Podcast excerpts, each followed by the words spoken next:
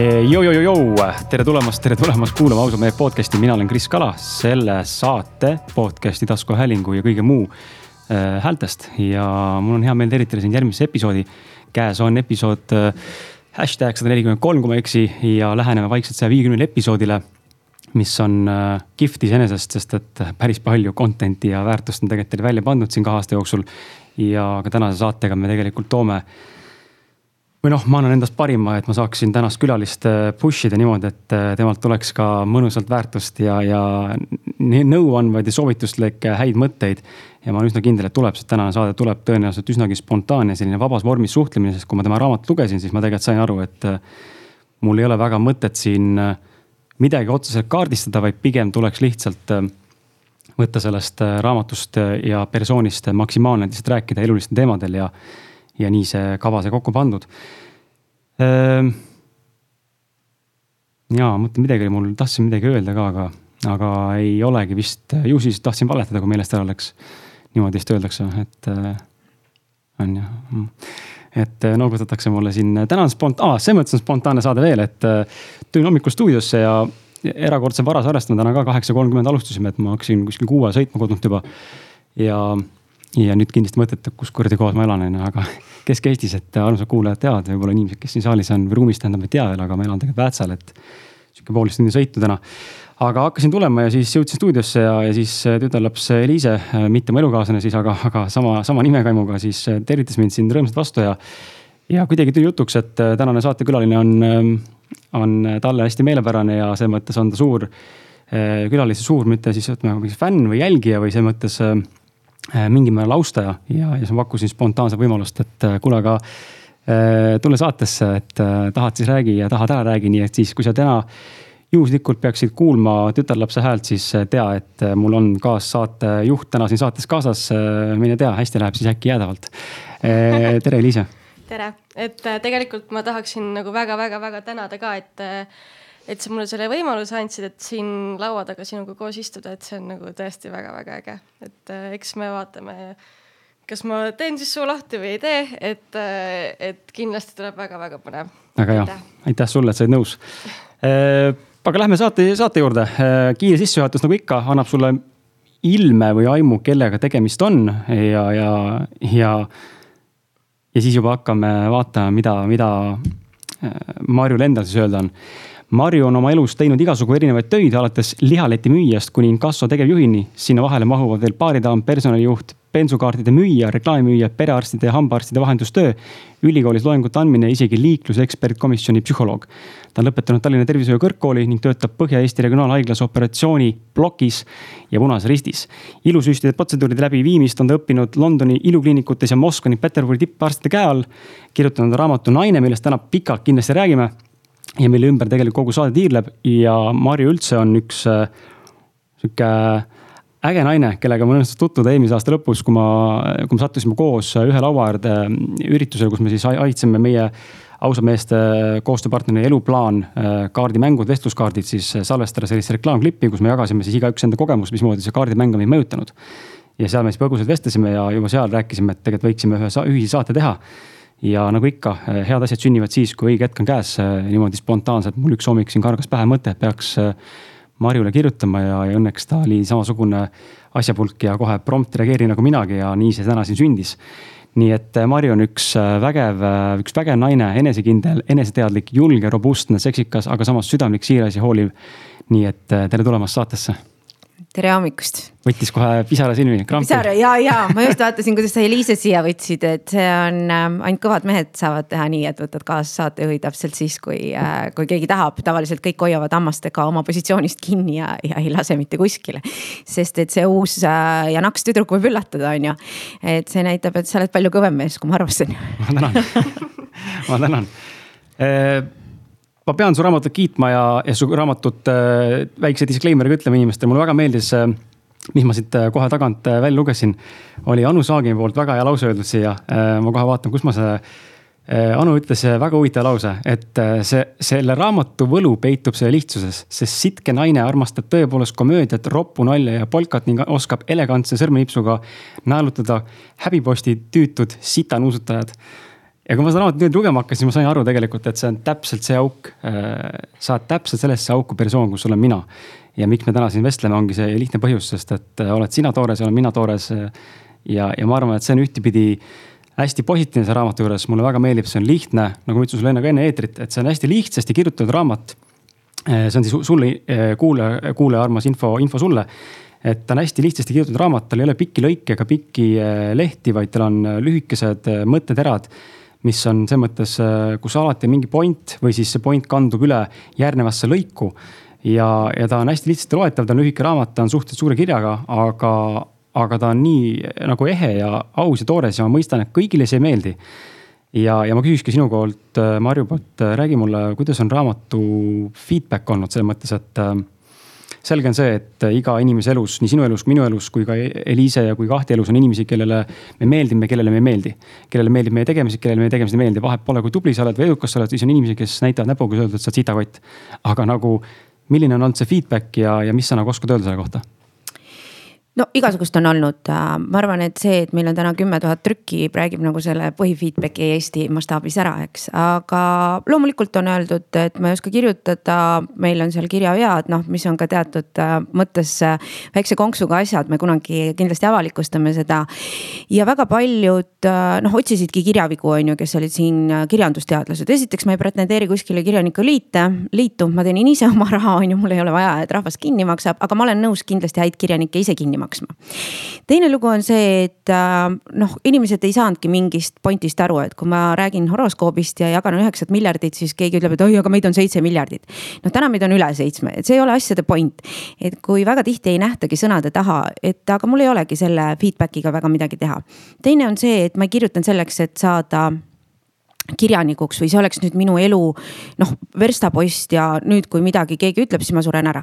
ma ei ole hoolinud sellest mitte kunagi ja ma olen aru saanud, et mida vähem sa hoolid inimestest, kes su kallal hauguvad, seda toredam see elu on, sest on tohutult palju neid, kes tegelikult sind toetavad. toetavad sind vargsi, toetavad sind salamisi ja ma olen seda tunnetanud väga palju, kui ma olen kasvõi kuskile ametkonda läinud.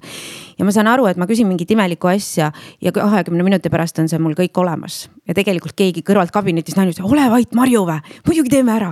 et, et seda on nagu väga palju minu elus olnud, nii et ja ma väga ei muretse nende pärast, kellel ei ole oma elu elada. kas äh, sina, Liise, oled äh, raamatut Naine otse ausalt lugenud? Äh, tegelikult ei ole, aga mul on väga suur soov, aga ma lihtsalt ei ole jõudnud raamatupoodi, aga jaa, mul tegelikult on see soov olemas küll, et seda, et see ühel hetkel läbi lugeda ärge nüüd muretsege, see ei ole mingi suur kirjandusülitus, eks ole, et see ei ole Herman Hesse klaaspärli mäng ei, aga tegelikult see on nagu väga huvitav, sest et äh, selle Jesper Parve mehe raamatu kohta ongi vist mees otse ausalt mm.. et äh, selle kohta nagu mul on mingid tuttavad seda lugenud ja nad lihtsalt olid mingid vau, et see on nagu väga-väga hea raamat. ja ma saan aru, et see on sündinud mingis mõttes koostöös vist. see ongi S-kirjastus ja Jesper ka tuligi ja kangutas must ja ütles, et davai, Marju, teeme ära. ja nii nagu sa ütled, et ma olen spontaanne, ma olen võimeline kaheksa kolmkümmend hommikul kirjutada raamatut, minema kuskile upsibaari või noh, mida iganes, mulle meeldivad need asjad, mis on, on spontaansed, lihtsad. ma olen piisavalt edev selleks, et asju teha siit tuleb äh, mul ka esimene selles mõttes selline suurem küsimus, mis mind ennast äh, jälle taaskord ma näen, ma, ma, ma näen ja mõistan, miks sa selline oled, äh, aga ma tahan, et sa annaksid ka kuulajatele aimu, kes võib-olla sellised ei ole. et mis on see natuur ja mis on see käitumise taga sa oled väga enesekindel ja tihtipeale inimesed seostavad enesekindlust, ma olen seda enda elus samamoodi kogenud, enesekindlust seostatakse tihtipeale egoistlikkusega. upsakusega mm, -hmm. et sa oled maailma naba, teistest on sul pohhui, sõidad kõigist üle nagu tank, on ju. mis võib ka tõsi olla mingis etapis, loomulikult sealt ähm, enesekindluse ja eneseteadlikkuse pealt kasvab ka selline soomus, millega saada hakkama rasketes olukordades. aga just nimelt see enesekindlus, kust see on tekkinud nii suur sul ja, ja võib-olla miks ka, miks sa soovitad inimestel muutuda või teha tööd iseendaga, et muutuda enesekindlamaks, mis on selle nagu, mis on selle asja eelis, et sul on enesekindlus olemas? Või mulle sobib, kui on vähe enesekindlaid, siis ma ju saan hiilata, et selles mõttes ei ole vaja kogu aeg muutuda. et inimesed meeleheitlikult ka püüavad, oi, ma tahaks ka selline olla, ei ole vaja olla selline. sest ega kõik asjad, mida te teete, mitte enesekindlus, enesekindlus, ikka saate plaksu vastu pead ja see on ka okei okay.. kust ma sihuke tulen, ma arvan, noh Lasnamäe ja Kopli tänavad, ega mis seal väga-väga siis on, eks, et sa kasvad. eriti ju puberteedi eas on kõik väga-väga valulik, eks me kõik ju oleme kannatanud ja, ja mõelnud ähm, suitsiideid mõtteid ja see kõik kõik on normaalne. ja, ja neid tulebki mõelda ja tuleb ka vahest läbi mõelda, on ju, iseasi, kas sa pead nüüd tegutsema alati. et äh, see enesekindlus on ka üks asi, mida ma olen märganud, mis äh, tegelikult aitab sul palju lihtsamalt toime tulla ka teiste inimestega. mida enesekindlam sa oled, seda rohkem ka teised tahavad su juures olla. keegi ei taha sõna otseses mõttes pasakotist liidri juures olla liider peab olema enesekindel ja kui sa tahad seda positsiooni ühes või teises mõttes, siis sa pead hammustama, vahest värinaga minema ja sa pead selle ära tegema. et siin võib-olla kõige suurem viimase aja oligi, kuidas me arstidega võitlesime, on ju õed ja arstid ja sest meile taheti ikka kott kõvasti pähe tõmmata. mis siis, et me seda kõike oskasime ja tegime. et noh, siis oligi see, kus ma televisioonis ütlesin nii nagu ma arvasin, aga mis mul karta on mis siis teete, lasete mu maha või? noh, mul veel kergem, eks. et ma alati olen äh, ka õpetanud oma tütreid mõtlema, et noh, mis siis saab, kui sa seda ei, noh, kui sa põrud. mitte midagi ei saa, sa kas saad uue võimaluse või sa sured ära. mõlemal juhul on väga hästi. Äh, Eliise, kuidas sul enesekindlusega lood on uh,? täpsusta küsimust kui enesekindel sa oled, kui enesekindel sa ennast tunned? kindlasti saaks rohkem aga ma usun, et äh, need kogemused ja asjad, mis mul on elus olnud äh,, äh, et ma olen tantsinud Jay Streetis ja kõik mingid tööd, asjad, ma ei tea, kõik see kogemus siin videote koha pealt, et see on nagu hästi palju mu iseloomu kasvatanud, sest seal nagu on pidanud olema seda, et sa pead lihtsalt läbi suruma ennast. et saada võimalusi ja ma usun, et kogemuse pealt tulebki see enesekindlus ja mis ma võib-olla kommenteerida tahtsin veel, on see, et kõik inimesed ei saagi olla enesekindlad. et kui on sul neli isiksuse tüüpi, kus sul ongi koleerik, driver, kes siis ongi Marju ja sina et, äh, et, et sa et.... vaata, kui kiiresti me diagnoosi saime, siin ei ole midagi. põhi, põhiinimtüübid on kuskilt vanast psühholoogiast ära õpitud ja saad naksaki kõik. ei, aga mina kusjuures vaatangi inimesi nende nelja tüübi põhjal ja kõik ei saagi olla driver'id, sest sul peabki olema keegi flegma kuskil, kes on see vahelüli äh, koleeriku ja melanhoolika vahel, sest muidu need inimesed ei saakski läbi lihtsalt. ja ma olen nõus, et ühiskonnas on äh, noh, vale on öelda, võib-olla peab, keegi ei pea, eks ole, aga ma näen ka, et see ikkagi on jah, et selge on see, et kõik ei saa olla ettevõtjad, kõik ei saa mm -hmm. olla palgatöölised, seal on mingid nagu natuurid, mis tulevad esile, ilmselgelt sul on see natuur olemas äh,, Marju. arrogantsi natuur või? et sa ennem rääkisid just arrogantsusest, see, kuidas inimene maailmas teist tunnetab, on tema enda küsimus, eks. et äh, ka mina suudan vahest koostööpartneritega väga teravaks minna, aga see ongi point, sa peadki minema ja seisma ja mõlemad pooled peavad seisma enda eest. et äh, see teravus kasvatab uue äh, võib-olla uue suhtetasandi. et ärge nagu kartke ka konflikti minna, see on sama nagu sa kodus kakled ära, õhk on puhas, eks. et ei ole mõtet nagu lakkuda lõputult üksteist, oi sa oled nii meeldiv ja siis selja taga ennast välja elada. paned pläusti ära, kõigil on väga okei okay. noh, ja kui ta ei taha sind, siis ta ei taha noh, mis sa siis teed taga. aga ega ma ei armasta jah siukseid äh, selja taga susistamist ja sisistamist, et noh, ma võtan ikkagi nööbist kinni ja küsin, kuidas asjad on. ja ma olen seda teinud ka siis, kui ma võib-olla noh, ka ühiskonnas või ka tööalaselt olin sitemas positsioonis kui keegi teine, aga ma ikkagi küsisin alati. ja, ja noh, sellepärast arvatakse, et ma olen julge. ma ei ole julge, ma olen lihtsalt äh, ellujäämisinstinkt on see, et kui sa tead, et sinu positsioon võib kuskilt kukkuda, mida sa siis seal ootad. ootad, et äkki kuidagi, ma ei tea, horoskoop aitab. no ei aita, ostan kolm kivi endale tasku, ei, võta nööbist kinni, küsi, kuidas asjad on. sulle öeldakse väga kiiresti ja sa võib-olla lahendad selle olukorra ja saad sealt minema ennem kui see sulle kolme kuu pealt tuleb krahhina. see on samamoodi, sa saad, näed ilusat meest Lähed juurde, küsi ära, no mida sa veiderdad seal, ootad seal sõbrannadega, issand, ta täna ei helistagi, issand, ta homme, no ta ei helistagi sulle ju noh. normaalne mees helistab kohe sulle et see on minu arust sihuke neurootikute probleem. ma ei tea, see mees on nii imelik, no sa ei klapi ju, sa tunnetad selle ära, kui see ei klapi, mine edasi, noh. ära raiska enda aega, enda nagu vaimset tervist selle peale. see on hea, et seda suhet korraks nagu siia mainida, suhetest räägime veel natukese aja pärast ka, aga ma ise näen enda perekonna sees äh, ja tuttavatelt äh, ka sellist nagu ümberringi olevat natuuri, et äh, justkui nagu alati mulle tundub, et see taandub ka sellele, me oleme varasemalt rääkinud sellest vastutuse võtmine nagu suhtekohas, et me just nimelt seesama näide, et me ootame, et see teine teeks nüüd selle sammu ja sossutame, nussutame niimoodi siin ja. ja siis oleme pettunud ja solvunud, kui te ei tee seda sammu, aga kui sa tahad, et see samm juhtuks, siis fucking võta vastutus ja tee ise siis samm et kas see õnnestub või ei õnnestu, siis sa näed seda. et kiirenda nagu protsessi, aga inimestel on mingisugune pseudohirm. ilmselt seal ongi see vastutuse võtmise ees ja teistpidi siis see, et äkki ma saan korvi. ja, ja korvi saamine on ka okei okay sa saad ju lahendada ära, sa saad kolme kuu pärast korvi ja siis sa oled juba endale taan-taan-taraan kõik välja mõelnud. siis sa pärast ütled sõbrannadele, issand jälle pulmi niimoodi lõpetas ära. noh, et, et välja mõeldud maailmad väga tihti. kusjuures äh, noorte puhul, no ma ise alles sain kakskümmend et äh,. juba okei okay., igatahes äh,, et äh, hästi palju ma näen seda, et hakataksegi enda nagu peas mingisuguseid fake stsenaariume välja mõtlema ja luuakse mingisugune illusioon endale. ja, ja siis sa mõtledki nagu välja mingisuguse asja enda jaoks, tegelikult äh, pooltki sellest noh, ei olegi päriselt toimunud ja sul ei ole vaata mingit alustki olnud, et mille põhjal nagu nagu neid asju nagu endale nagu peas välja mõelda või unistada just nagu meessuhete puhul ja siis see nagu pettumus on nagu väga suur, kui sealt ei tule midagi. kuigi tegelikult nagu ei olegi olnud nagu nii mingit suurt asja või lihtsalt nagu kuidagi nagu enda peas minnakse nagu väga in, rääkimata nagu, nagu teise osapoolega asju nagu päriselt läbi, et kuidas nagu asjad on. vaat kommunikatsiooni probleem on tänapäeva ühiskonnas eriti mitte ainult noorte, vaid ma arvan üldse inimestel, me ei oska kommunikeerida, mida ma päriselt tahan saada. ja sellepärast, et me oleme harjunud täna panema ilusaid pilte endast üles, on ju, mina ka, ega ma olen see kõige suurem siin et äh, aga just see, et see nööbist kinnivõtmine ja asjade ärarääkimine, vahest ei ole sellest ka kasu, eks, et teine vingerdab ja nii edasi, aga noh, ma ütlengi, et see sisetunne peab olema, et ma täna ikkagi ütlen, et käige inimestega läbi, kes teile sobivad, ärge raisake oma aega, et oi, aga ta on väga rikas või ma saan tänu temale kuskile, no ei saa mitte kuskile te, tänu temale. Te rõhute ära, ainult kaotate iseennast ja mitte midagi ei juhtu. et minge kasvõi üksi natuke aega oma teed, et ei pea hirmsasti ka, et ma vaatan, et äh, noh, mul endal ju ka, eks kõik mutid on juba viiekümnele lähenevad. et äh, noh, kellel ei ole veel meest ja see on muutunud nüüd juba sihuke desperate ürituseks, et sa ei saagi, sul on klapid, sa, sa enam ei suuda.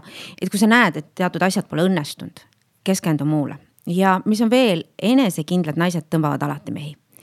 Sa võid olla koledam ja paksem kui teine, aga mehed armastavad samamoodi, sest nad saavad ka aru, et kui isegi selle naisega kutsikad tulevad, siis vähemalt see emalõvi ei viska kohe kõiki instrumente maha et seal on sellised äh, primitiivsed asjad, mis ikkagi meid mõjutavad, ükskõik kui palju me ka psühholoogiat peale ei õpi koleerikutest ja. ja kõikidest uutest inimtüüpidest ja täna on neid nii palju ja igaüks neid lahkab ja kõik. et põhiasjad on ikka needsamad, et see Maslow püramiid ei ole kuskile kadunud ei, wifi on alla tekkinud. jah, wifi on alla tekkinud. et noh, muud asjad on nagu kõik ja, ja ega me ei oskagi suhelda, sest me ootame ju mingeid asju just teiste poolt, et aga mis siis tema ütleb. sest me kardame lolliks jääda. ja kui sa vaatadki, siis täna sa ei tohi kasutada väga palju sõnu enam. just sellepärast, et sa saad kohe pahameele osaliseks, sa enam ei saa nagu rääkida mingeid asju, mis sulle tunduvad. et sa oled kohe siis vägivaldne või, või, või noh, ükskõik see sõna, sama sõna neeger on täna läinud ju. no kui me vaatame praegu Ameerikat, siis on ju kohutamist tegelikult toimub rasside vahel. aga see on esile kutsutud meie enda sellise mm -hmm. mõtlematuse ja, ja ja igasuguste teadlikkuse või teadmustuse pärast. et mulle väga meeldis Harari Sapiens, et äh, mõnusalt lahkab, äh, ta on, istub mu öökapil veel viimased lehed on lugeda. et äh, see, kuidas ta näitab meie usulisi ja veendumisi, eks, et me tuleme tegelikult metsast, lihtsalt tahtsime süüa ja sital käia. aga nüüd me oleme mõelnud endale terve maailma, eks, ja me usume reaalselt seda maailma ja me oleme ka noh veendunud, et nüüd peab tapma selle maailma eest.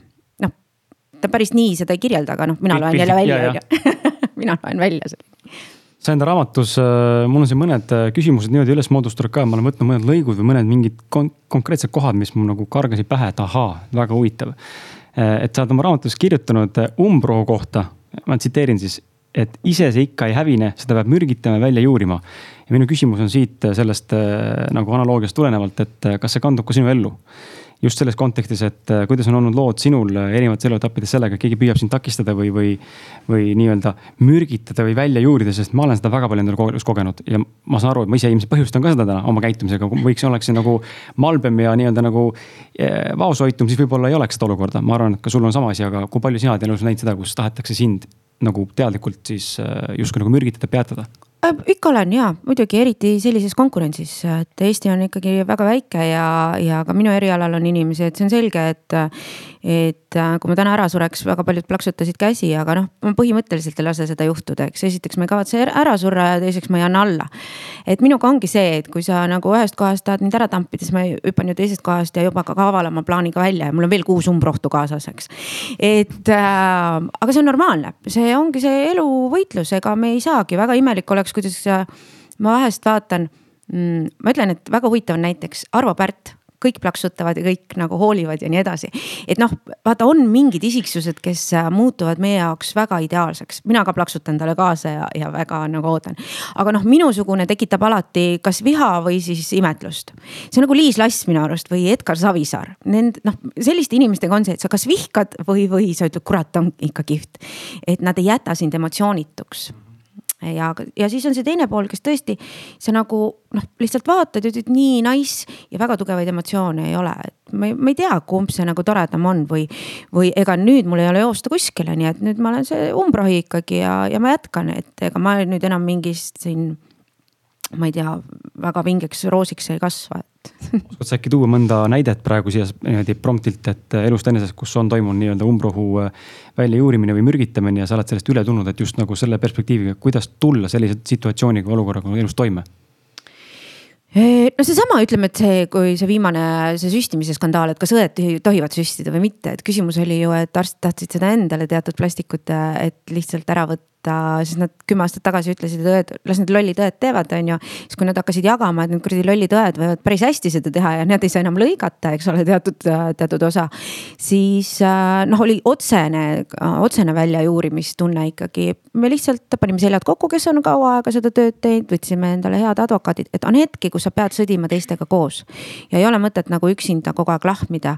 et äh, see ongi, et sa pead tajuma seda olukorda ja kindlasti, kui sul on võidelda, siis ikka mine sõtta et ära nagu seal mõtle, et oi, aga äkki ma ikkagi, aga mõtle, kui ma nendega tülli lähen. no pljääd, nad juba on su vaenlased, mida sa seal enam nagu lakud noh, et ongi see, et nad on ära otsustanud selle, et nad on nõus sind hävitama, siis sa pead nagu, vaata, see on nagu rott, kelle, kes nurka surutakse, ta lihtsalt ründab mm. -hmm. et seal ei ole nagu, et kui sul on isegi ruum veel nagu mõelda, et oi, ma niisama teen selle rotiga nalja, on ju, siis temal ei ole kaotada midagi jah, proletariaadil on kaotada ainult ahelad nagu Marx kirjutas.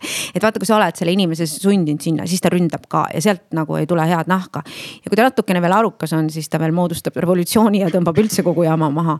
et, ähm, et jah, see ongi see, et kui teil ei ole midagi kaotada, te olete oma asja eest ja kui sa tunned, et sul on õigus noh, just see ja see on minul lapsepõlvest saadik olnud. kui ma tunnen, et mul on õigus, no siis nui neljaks. ma seisan kasvõi kaheksa tundi vihma käes, aga no kurat, alla ma ei anna aga mis siis, kui selgub, et tegelikult ei ole õigus lõpuks? no siis ma neelan alla ja, ja vaata, me just eile äh, kodus arutasime seda, et et vaata need püramiidskeemid, mis tekivad mm. -hmm. täna on ka mingi, et kui sa nagu liitud, siis sa saad valgele tasandile, mustale tasandile, no ja et siis sa annad kolmsada eurot ja siis sa saad mingid noh. et need on nii nagu äh, sellised süsteemid, kus sa lähed kaasa, kui sa algul usud, sa annadki selle raha ära. ja siis annad natuke veel raha ja mingi hetk, kui sa ka saad aru, et see ei toimi, sa ei saa enam alla anda sa jätkad seda spontaanselt, sellepärast sul pidi olema õigus. et aga see, kus sa saad aru, et sul ei ole enam õigus ja samas on see, aga kui sa nagu eh, saad aru, et sul ei ole õigus, aga samas võit on juba lähedal. noh, sealt võib tekkida ka see inimlik vajadus võita, mind enam isegi ei huvita, kas mul on õigus. ja väga tihti, kui me ka tülides on ju, ma saan aru, et mul kodus ei ole õigus, aga nüüd ma pean võitma. et, et äh, kas see on õige või vale, ma arvan, et ei ole õiget või valet sellel hetkel ma tunnen, et ma pean võitma, ei olnud õigus, mis siis, ikka võidan. Me oleme pehmeks läinud, vaata. kõik ütlevad, kas sul ei olnud õigus, so what? võit on minu. kas sa arvad, et siis äh, maailmas äh, sõdu võitnud äh, ükskõik keisritel või tsaaridel või, või juhtidel on olnud õigus? vaevalt. Nad on lihtsalt võitnud ja, et see ongi nii julm koht, et me täna, ma ütlengi, et Eestis me oleme nii kuidagi pehmeks läinud, et, et iga asi, mis tundub natukenegi üldist sellist inimõigust haavatav, siis meil on ikka pisarad silmas, ega mul ka.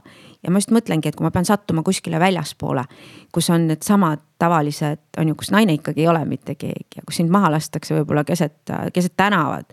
et noh, kui kusik ma siis olen, on ju, et äh, annaks jumal, et ma ei satuks sa raamatus siin tõid selle näite ka just nimelt seesama, et satud olukordadesse või situatsioonidesse või riikidesse, asukohtadesse, kus naine nagu jalaga alamas, vaatasin seda filmi.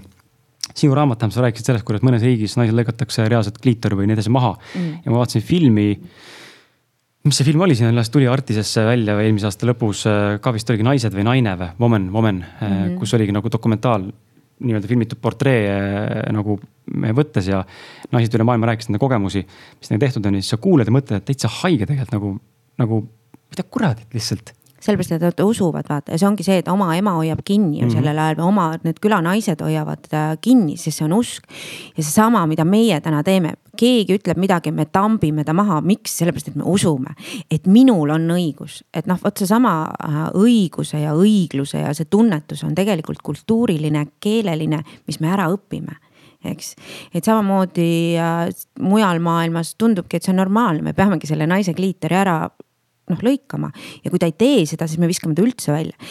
võtame paar sajandit tagasi ikkagi, kui naine sai kuskilt äh, lapse, eks ole, siis noh, isa viskas ta majast välja mm. -hmm. jah, et noh, kui jube see täna tundub, eks, et, et äh, aga siis oli see käitumisnorm ja neid norme on meil ka, et vaadake natukene seda elu avatud silmadega just sellepärast, et, et oi, nii ei tehta. noh, miks ei tehta? ma arvan, et niikaua, kui me kellelegi liiga ei tee, on minu käitumine täiesti okei okay jah, mis tähendab liiga, aga sa ütlesid pahasti, noh, ma ei mõelnud nii liiga, on ju, ma mõtlen ikka, kui ma sinist silma kellelegi ei tee. loomulikult me oma käitumisega teeme kellelegi liiga. aga ka siinkohal äh, minu meelest äh, tasub, vähemalt see on see, mille järgi mina olen elanud ja kui ma seda kellelegi, noh, üldjuhul kui inimestele mainin seda, siis ütleme, suurest laastus suurem protsent sellega ei nõustu. kui sa räägid, et äh, verbaalselt kellelegi liiga tegemine, kui ma praegu Eliise sind solvaksin näiteks ma ei tee seda, aga kui ma solvaksin või Marju sind solvaksin, siis tegelikult sinu enda vastutus on tegelikult ju võtta vastutus, kas sa solvud või mitte sa ju ei pea selle peale solvuma. no jaa, aga vaata, sa ikka solvud ja teine on minu vastutus panna sulle naks vastu, on ju, mhm. et, et noh, see ongi see küsimus, et loomulikult ongi ka see osa, et me oleme ka õppinud üksteisega käituma ja mulle väga meeldib Eesti maailm, et meil ei ole siin üldse nii paha, kui me arvame. et äh, kõik see, et loomulikult vaata, see ongi see, et kelle peale sa solvud inimesed, kes sulle korda lähevad, selle peale sa solvud. kui keegi ütleb ikkagi, et oi, Marju, sa nagu nii ei teinud hästi ja see on sinu jaoks autoriteet. siis sa nagu ikka jääd mõtlema, eks, aga kui seda ütleb keegi, kelle, kes sulle ei tundu autoriteedina, siis sa lähed sellest üle. et see mina leidmine on ikkagi selles mina peegeldustes ka, et teised inimesed ju lapsest saadik on ju, ma saan ju kiita, kui ma kommi ei söö kõike korraga ära ja nii edasi, nii edasi et äh, ma arvan, et see kõik, see lugu on segasem, mis me alati tahamegi teha koleerikute ja, ja kõigi muuga. et me püüame teooriates hästi palju paika panna, et ma olen psühholoogiat õppinud magistri tasandil ja me püüame tohutult äh, inimesi lahterdada raamistiku ja selle ajastu raamistiku just. ja meie enda mõtted väga tihti jäävadki väikseks tänu sellele, et me loeme liiga palju et ma olen ka öelnud, et teatud hetkel hakkavad tekstid su mõtteid segama. et võtke nagu aega omaenda mõtteid mõelda. et kõik, mis oi, aga ta nii hästi ütles, noh ütleski hästi, aga, aga noh, mina näiteks ütlen labasemalt, on ju. et äh, see iseolemise ja teadliku olemise ja, ja kogu selle ruumi, et kas seda üldse on olemas mm. -hmm. eks, et see on võib-olla kujundatud. aga kas sa ei arva näiteks, et see on niimoodi, et või et võiks olla, et et kui sa loed näiteks mingit raamatut, sa saad sealt nagu mingit äh, mingit mõtteainet, ideed, sa võtad selle info ja sa paned selle nagu enda konteksti ja, ja ikka, ikka, aga ma lihtsalt ütlengi, et vaata liiga, liiga palju võõraid mõtteid panna oma konteksti ei anna sulle isikuna alati ruumi ise areneda, vaid sa arenedki teiste mõtete najal. et seal on noh, saad aru, balanssi, loomulikult targad mõtted on toredad mõtted, eks.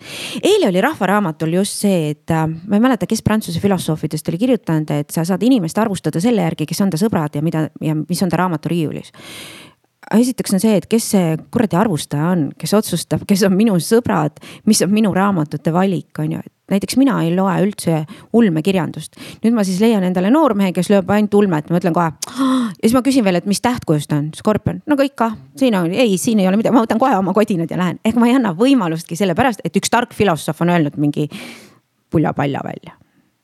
jah, et sa pead ka natukene võtma seda õigust, et et sa ise vaatad, ise otsustada, siis meil on kogu aeg arst paneb sulle diagnoosi, sa jääd kohe haigeks eks.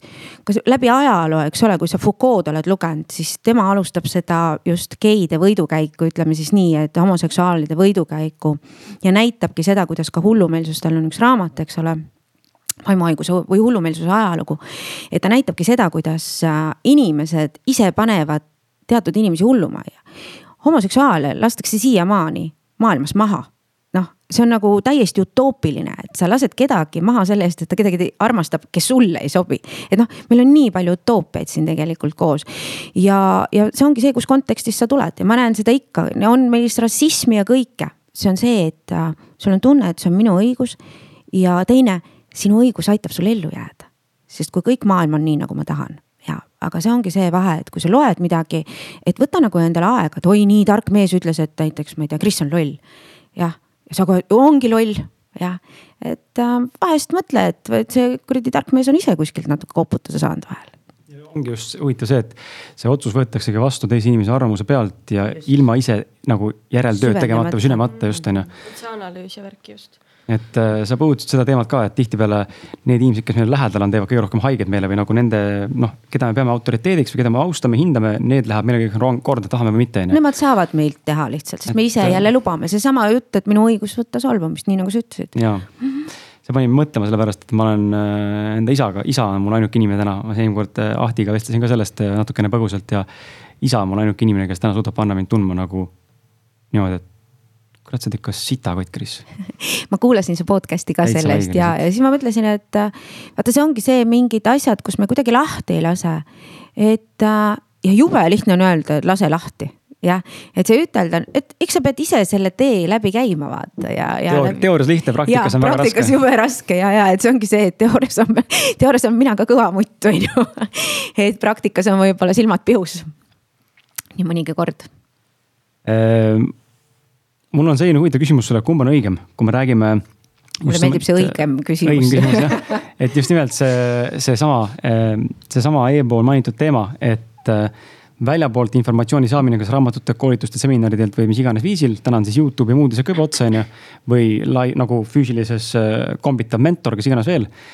või äh, iseenda leidmine, et kuidas me siin korra puudutasime seda teemat, et mõlemat on nagu vaja. Ehm, ma olen sinuga totaalselt nõus, et kui me liiga palju infot hakkame sisse saama, ammutama endale välist infot, mis ei ole meie, siis see võib hakata muutma isiksust. ka selles suunas, kuhu me tegelikult ise võib-olla päriselt ei kasvaks, kui me annaksime endale ruumi kasvada. Ehm, seega küsimus on selles, et kuidas leida see tasakaal ja, ja teistpidi, kuidas see tasakaalu sees jõuda parema kontaktini iseendaga ega see ei pruugigi jõuda, et võtame sellesama kliitori lõikamise näite on ju, et need naised elavadki selles teadmises. ja nad teevad seda ja nad arvavad, et nad teevad seda ise. et see, me ka täna oleme võib-olla läinud selle, et oi, ise mina, et küsimus ongi, et kes see mina siis üldse on ja kus ta eksisteerib ja kas teda üldse eksisteerib. et äh, kui me ka vaatame, siis mina täna ju maailma näen eesti keeles, mis tähendab, et selle keele mõjutus on andnud mulle väga palju minu kultuuriruumist, minu õigluse, õiguse ja kõigest muudest arusaamistest. et võib-olla, kui ma räägiksin, ma ei tea, mandariini keelt, oleks ma hoopis teise mentaliteediga. et kas seda iset üldse on olemas, aga kui miks erinevaid teoseid, kindlasti ongi see, et sa loed need ja siis sa võtad oma selle, mis sulle siis sobib, ehk siis ükskõik, kes see ise seal sees on, siis otsustab selle järgi. et raamatut peab lugema alguses kindlasti, aga noh, lõputult ei ole mõtet nagu baseeruda teiste tekstile. et sa loed neid teiste tekste, korjad seal enda jaoks ja siis paned nad endaga rääkima.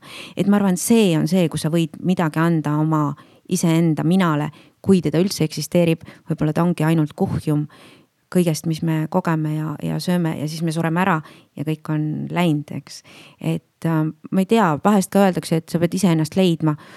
no ma ei tea, mul on tunne, ma olen kogu aeg endal olemas olnud et noh, vot ongi, eks me olemegi kõik erinevad ja ma arvan, et kõigil on õigus jõuda, otsustada, teadvustada, olla teadlik. aga me ikkagi ei ole aru saanud kõige väiksemast ja kõige suuremast asjast, et kuidas me siia ikkagi tuleme, on ju, ja kuidas me siit ära lähme. see, et kuidas me embrüotena oleme, seda me saame mikroskoobi all kõik vaadata. aga kas üldse on ja kuidas siis see kõik on? et siin on ka sellist kaootilist kaduvust, et äh, kui ei olegi mitte midagi, meid ei olegi, see isiksus kujuneb, meie aju võtab vastu nagu arvuti pannakse sisse, välja ja that's it ja see tegelikult ei eksisteeri, me, aga me noh, me inimestena tunneme, et me oleme nagu suuremad kui, kui elu aga ma kardan, et võib-olla polegi midagi. Elisa, mõtteid um,? ma võib-olla ütleks seda, et um... oota, millest me just rääkisime? ja mitte võib-olla, vaid ütlegi. oota, millest me just rääkisimegi, et elu kadusest su küsimus oli, et, äh, et. iseenda, iseenda leidmine, kuidas iseendaks jääda, kuidas iseennast leida või paremasse kontakti jõuda um,? ma arvan, et äh, oma kogemuse pealt äh, võiks ma öelda seda, et, äh, et sa ei saa lasta endale kõike ette dikteerida. ehk siis nagu.... aga kuidas see mina ise teab, kas talle dikteeritakse ette, see on õpetus, ta kogub seda, jagab seda, hoiab endas, et millal tekib see otsus, et sulle dikteeritakse äh,? äkki no, see on jube kasulik sulle? Jaa, kindlasti seal on, õpetab väga palju, aga näiteks mul ongi nagu see kogemus, et kui ma nüüd äh, a la kuskilt äh, trennist ära tulin, siis mul ei olnud enam nagu treenerit ees, kes ütleks mulle, mis võiks olla õige ja kuidas võiks äh, toimida ja käituda ja nii edasi. Et siis ma nagu astusin nagu ise ellu ja nüüd ma olen puhh oma peaga, et pean nagu kõik ise välja mõtlema. ja mul nagu tuli see nagu realization tuli nagu selle koha pealt, kui mul ei olnud seda inimest enam ees. et võib-olla, kui sa rääkisid nendest naistest kuskil, kes iganes lasevad endal mingeid asju maha lõigata, et neil ongi võib-olla. ei lase, seda tehakse jõuga ikka okei okay.. ei ole vabatahtlik. ei ole jah, selles mõttes ma arvan, et see isiksusele haiget tegemine või üldse inimesele haiget tegemine, see on lihtsalt kultuuriline, vaata samamoodi nagu igal pool eesnahad ära lõigatakse, on ju. aga kas see on siis neil niimoodi nagu, et et nad ise nagu ei taha seda, aga. Need tehakse väikse tüdrukuna ära, sellepärast et sina naisena ei pea saama seksuaalset naudingut. mõndades riikides õmmeldakse tupp kinni ennem abiellumist, eks, et anaalseksi on väga palju tänu sellele ka HIV levikut. et on väga selliseid tõsiseid kultuurilisi eripärasid, eks, et mis samamoodi, et kas sa tahad, kas abiellud süütuna täna kõik naised vaatavad mind nagu pooletoobist, on ju. kaks sajandit tagasi kõik oleks vaadanud, et mis küsimus see on, eks. et noh, see ongi see meie Äh, mõtete muutused ja kus siis see ise on. kas see kaks sajandit tagasi see naine oli ise, mina olen nüüd ise. võib-olla ma olen hoopis jäetud triivima kuskile laevale, kus ma, kus mul ei ole enam kümmet käsku mm.. ma mõtlengi just nagu seda, et, et kui sa, kui sul seda nagu mitte tõemomenti, aga seda nagu hetke, kus sul ei, ei öelda nagu enam ette, et kui sul seda nagu ei ole olnud, siis sa võib-olla ei saagi aru, et kus sa ise oled või et kes sa ise oled võib-olla vastupidi, said kiiremini aru, kes sa oled ja kus sa oled. et no vot, see ongi see, et me tegelikult ei tea lõpuni ja, ja ikkagi inimest kindlasti kujundab see ruum, kust ta tuleb, eks, ja, ja noh, kõik on. samas ma nagu ei tahaks lapsepõlvele nii palju nagu Freud anda, eks, et, et me õudselt palju nagu vabandame.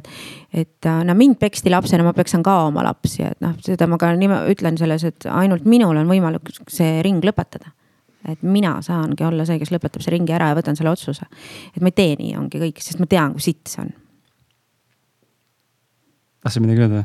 Ei, ma lihtsalt mõtlen nagu täpselt samamoodi, et sa ei saa tuua seda, mis on sul varem elus juhtunud nagu vabanduseks, et ole üle sellest lihtsalt. absoluutselt nagu,. jah. mul on kõik mehed petnud, no tõenäoliselt järgmine ka, sest sa teed sitta valikut kogu aeg aus. on ju Äh, oleme rääkinud meestest-naistest, lähme sellise tulise ja mõnusa teema juurde, et äh, sa enda raamatus äh, ütlesid väga ilusti, et hea mees on naise elu võti ja edukas mees on naise õnne alus.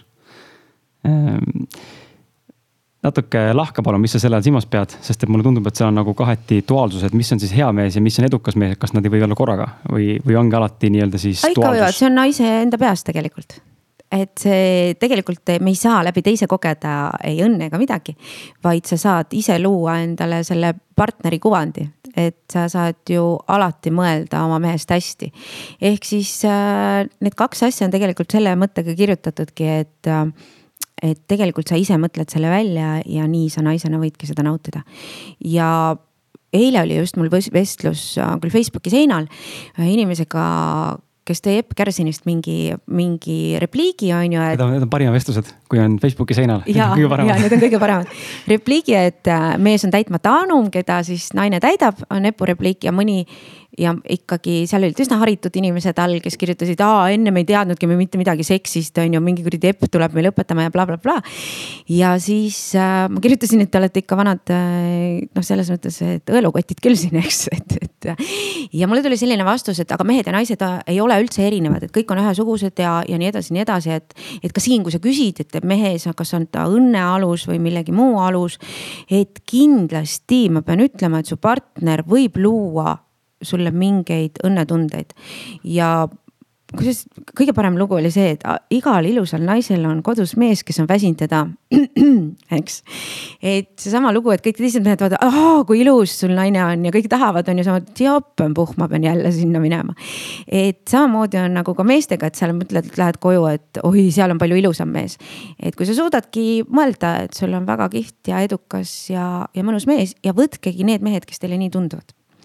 Et see on teie enda õnne alus noh, sest pole midagi teha, kõik ütlevad, oi, sa pead ise ja jube palju on ikkagi seda, kus me läbi teiste, need on need sõltuvussuhted, kus me ikkagi läbi teise sööme seda äh, sotsiaalset naudingut, eks. mulle meeldib oma mehe üle uhke olla. mis on ka õige, et äh, nagu hinnata teist inimest, kelle sa oled nagu välja valinud mm ja, aga teistpidi on see huvitav tõesti, eriti mul just tuleb nagu noorena või noh, mingi nooruse, nooruspõlve nagu mõtted tuleb meelde, mitte ma mingi vana mees oleks praegu, aga, aga nagu ütleme siis, kui ma pubekas olin, et ikkagi tegelikult seda on täna ka näha sinu, Liisa, sinu vanuses samamoodi tegelikult, ma arvan, et see oli ka tegelikult sinu ajal noorena, et väga tihti ikkagi tahetakse ennast nagu tõsta pjedestaalile läbi oma partneri ja mul on vaata sihuke pilt ilus na, ja, naine ikka. modell või mm, poiss on sihuke mm,, sihuke no sihuke natuke metroseksuaal juba oma välimuselt. aga et noh, kõrval on tippvend, noh, et ülikõva et ise olen nagu vähemus, aga selle partneri arvelt siis tõstan ennast nagu natuke ülespoole. ja, aga vaata, kui palju seda on, et äh, ma mäletan kunagi eelmise abikaasaga oli hästi kihvt, mul töökaaslased küsisid, ma olin personalijuht siis ühes firmas. ja töökaaslased küsisid, et äh, mis ta sul teeb, ma ütlesin palli mängib. Nad hakkasid naerma ja küsima, mis ta siis nagu päris tööks teeb. Ütlesin mängibki, sest ta oli profi, profi käsipallur. mis no, äh, nimi? Martin Noodla oi, ei ole nii, Eesti on ikka väike. on, no issand, seal tuleb, raamatut ei lugenud, no jaa, mul ei ole perekonda, perekonnanime. ma ju mängisin käsipalli äh, kümme või kaksteist aastat. no jaa ja,, ja. no vot, näed siis kõik, mis välja tuleb. nii et, äh, et ja siis mind vaadati üsna sihukese haleda pilguga ja teine hale pilk on alati mulle äh, tulnud siis, kui ma kuskil olen ja keegi küsib lastest ja ma ütlen, mul on neli last. ja selle peale vaadatakse mind ka sihuke natukene nagu kurva pilguga, et ei tea, kas peaks talle välja tegema või las maksab ise et need on ka siuksed stereotüüpsed spontaansed asjad, eks. Äh, ja ma kujutan ette, kui kuuldakse, millal esimese lapse said, siis on kohe see ka, et no, oi, oi, sul oli elamata elu. ei, see ja elamata elu ja teine on see, et issand, kes see lapsele siis lapse tegi. no teate, ma pole kunagi nii tark olnud, kui ma olin viieteistaastaselt enam targemaks ma ei ole kunagi saanud. kas sina, Eliisi, teadsid, et Marju sai lapse, kui ta oli viisteist? Ja järgmise, kui ma olin seitseteist. selleni jõuame varsti ka. aparaadid olid töös tehas, tehas töötas. jah. Äh, Marju, äh, jaga nõu mulle ja jaga nõu äh, Ahtile ja jaga nõu Eliisele, milline on üks hea mees ja mida, millist meest sinu meelest naised oma ellu soovivad või tegelikult taht-, tahavad? ma saan aru, et stereotüüpe on palju ja kõik ei tahagi ühte, ühesugust, aga sinu kogemuse järgi, mida sa nagu näed laialt repertuaarist nii-öelda? Tead sa, minule meeldivad mehed, kellega ma tean, et kui ma jään täiesti vaeseks, siis ta ka ei lähe ära. Noh, selles mõttes, et kui meil juhtub sõda või olukord, siis me saame koopa valmis kaevatud. Ja ta jääb, et see on minu jaoks hea mees. et ma ka vahest, äh, mõni ütleb, issand, ta on nii rikas ja sa ei kujuta ette, tal on seal. ja siis ma mõtlen, jaa, aga no võta nüüd kõik need varad ära, vaata, jääb sihuke noh, ma ei tea, kakipükstes sitakotti järgi, et, et ma ei taha sellist, ma tahan, et see mees oleks ilma rahata kõva mees ja sinna võib siis peale raha panna ja, ja kõiki muid asju, et mulle meeldivad äh, ja kõige lihtsam ongi. Mm, võtke see mees, äh, kes teid armastab selles mõttes, kes teist lugu peab, ärge jookske nende järgi, kes teiega halvasti käituvad, et sealt ei tule mitte, see on. minu arust on see kuidagi seotud väga tihti just sellise neurootilisega, ma tahan heakskiitu sellelt, kellelt ma seda ei saa. noh, ja siis sa oled õnnetu, sa ei saa sealt mitte kunagi, sest see teine pool on samasugune neurootik et võtke need mehed, kes teid armastavad. Ja armastus on ka täiesti õpitav asi, no kindlasti armumine ja selline keemia, aga olgem nüüd ausad, kahe aasta pärast väga tihti ongi see kadunud ja siis tulevad kõik need samad mured, mis teil alguses on ja topelt tulevad ju tagasi. et ikka see, kes teist lugu peab, see lugupidamine on väga-väga oluline, kes teid ei löö, noh ükskõik, kes teid ei alanda kuskil seltskonnas. ja, ja, ja see on hea mees, kes, kes peab minust lugu, kes mind ei alanda ja kes toetab mu igasuguseid lolluseid, aga te peate sama vastu andma et see päris ei ole niimoodi, et oh, mina olen printsessa, on ju, istun kuhu tahan, tead, kagan kuhu tahan ja mees kogu aeg jookseb. ei, siis sa pead olema nõus ka mehe eest jooksma. mehe järel koristama. ja mehe järel koristama. mitte, Kui... mitte otseselt, aga nagu. ka vahest otseselt. seda ka aga see on väga huvitav, see on minu meelest äh, üks äh, väga suur paradoks ja mul on praegu hea, et siin on äh, peaaegu poole nii-öelda kahes erinevas vanusegrupis olevad naised. Ahti, mul on sinule küsimus, sa võid noogutada või mitte noogutada, kas sina kogesid ka noorena seda, et tundes sind vähe täna, aga ma tajun kuidagi, milline sa inimesena oled, mehena oled, mulle tundub, me oleme ühte, ühte paati nii-öelda. me oleme pigem need head mehed, aga ometi valiti pahad poisid aga sul oli samasugune kogemus noorena, et ilusad tüdrukud valisid minu pärast pahad poisid, ilma et oleks tegelikult tulnud sinu juurde, sul oleks olnud happy life, happy ending. kui sa lased mul rääkida, siis mul oli nagu, mul oli niimoodi, et äh, ma sain jube hästi läbi tüdrukutega. aga nad olid nagu, nad võtsid mind nagu oma sõbraks, kõigest räägiti, usaldasid, kõik oli nii tore ja siis äh, mulle nagu tundus, et oo, et ma olen nagu sihuke tore poiss, et ma meeldin talle ja siis ta ütles, et Ahti, anna mulle nõu kuidas ma saaksin ikka selle Peetri ära mm., boyfriend'iks mul oli nagu selline kogemus mitmeid, mitmeid, mitmeid. jep, sama siin, seega tüdrukud, äh, küsimus teile mõlemale, et äh, ma ei tea, Eliise sind ma ei tunne ja Marjut ma ka tegelikult ei tunne, aga. miks on see paradoks siin maailmas, et noorena tüdrukud vaatavad pahasi poisse teades, tegelikult teades alateadlikult, nad saavad varem-hiljem haiget. aga nad ikkagi teevad seda mina ei ole kunagi vaadanud, aga mulle meeldis hängida nendega koos aga miks ma arvan, et seda tehakse? paha poiss tundub tugev mm -hmm. mõistate, ta ületab piire, mis on seesama lugu, et kui tuleb sõda, et ta peaks nagu koopas vastu aga me ei taju ära, et kas ta tegelikult peab koopas vastu või ta lihtsalt on äh, kellegist füüsiliselt üle ja kasutab seda teise alanduseks. noh, näiteks annab väiksemale peksa. noh, kõik sellised asjad, et need tegelikult on väga tugevad ohumärgid üldse. et ja, ja need pahad poisid, ega minule on ka meeldinud pahad poisid kogu aeg. aga ma olen kogu aeg kuidagi aru saanud, et neist ei tule nagu head nahka seal äh, kooselus. et kui ka keegi ütleb, et oo, ta on ilge elumees, no mis ma tast siis võtan?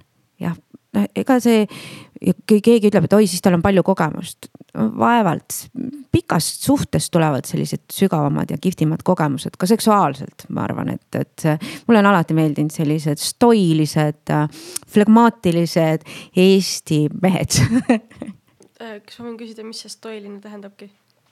Selline, kes äh, on sul kindel, ta ei lähe emotsionaalselt, äh, kuna mina olen hästi emotsionaalne, siis tema ei tohi seda piiri ületada, eks, või noh, mulle meeldivad need mehed, kes jäävadki heaks, saad aru, isegi kui sina oled nagu vastik ja madal, siis ta on ikka hea. et noh, paha poiss tõmbaks sulle ju vastu hambaid, noh, sõna otseses mõttes. Ja tegelikult äh, noh, mitte kõik jälle vaata, siin on jälle selline üldistav, et on ka väga kihvte pahasid poisse, kes on eluaeg ühe ja sama brutaga on ju. et aga jah, et ma arvan, et alati tuleks vaadata, kelle suhtes see paha poiss vägivalda kasutab. kui ta on nagu Robin Hood, ma olen müüdud eks ole, varastab rikastelt, jagab vaestele. et mu hinges on ikka vana sotsialist. aga kui ta on selline, kes kasutab vägivalda väiksemate suhtes, alandab, ütleb naiste kohta pahasti, need on kõik suured, väga suured ohumärgid.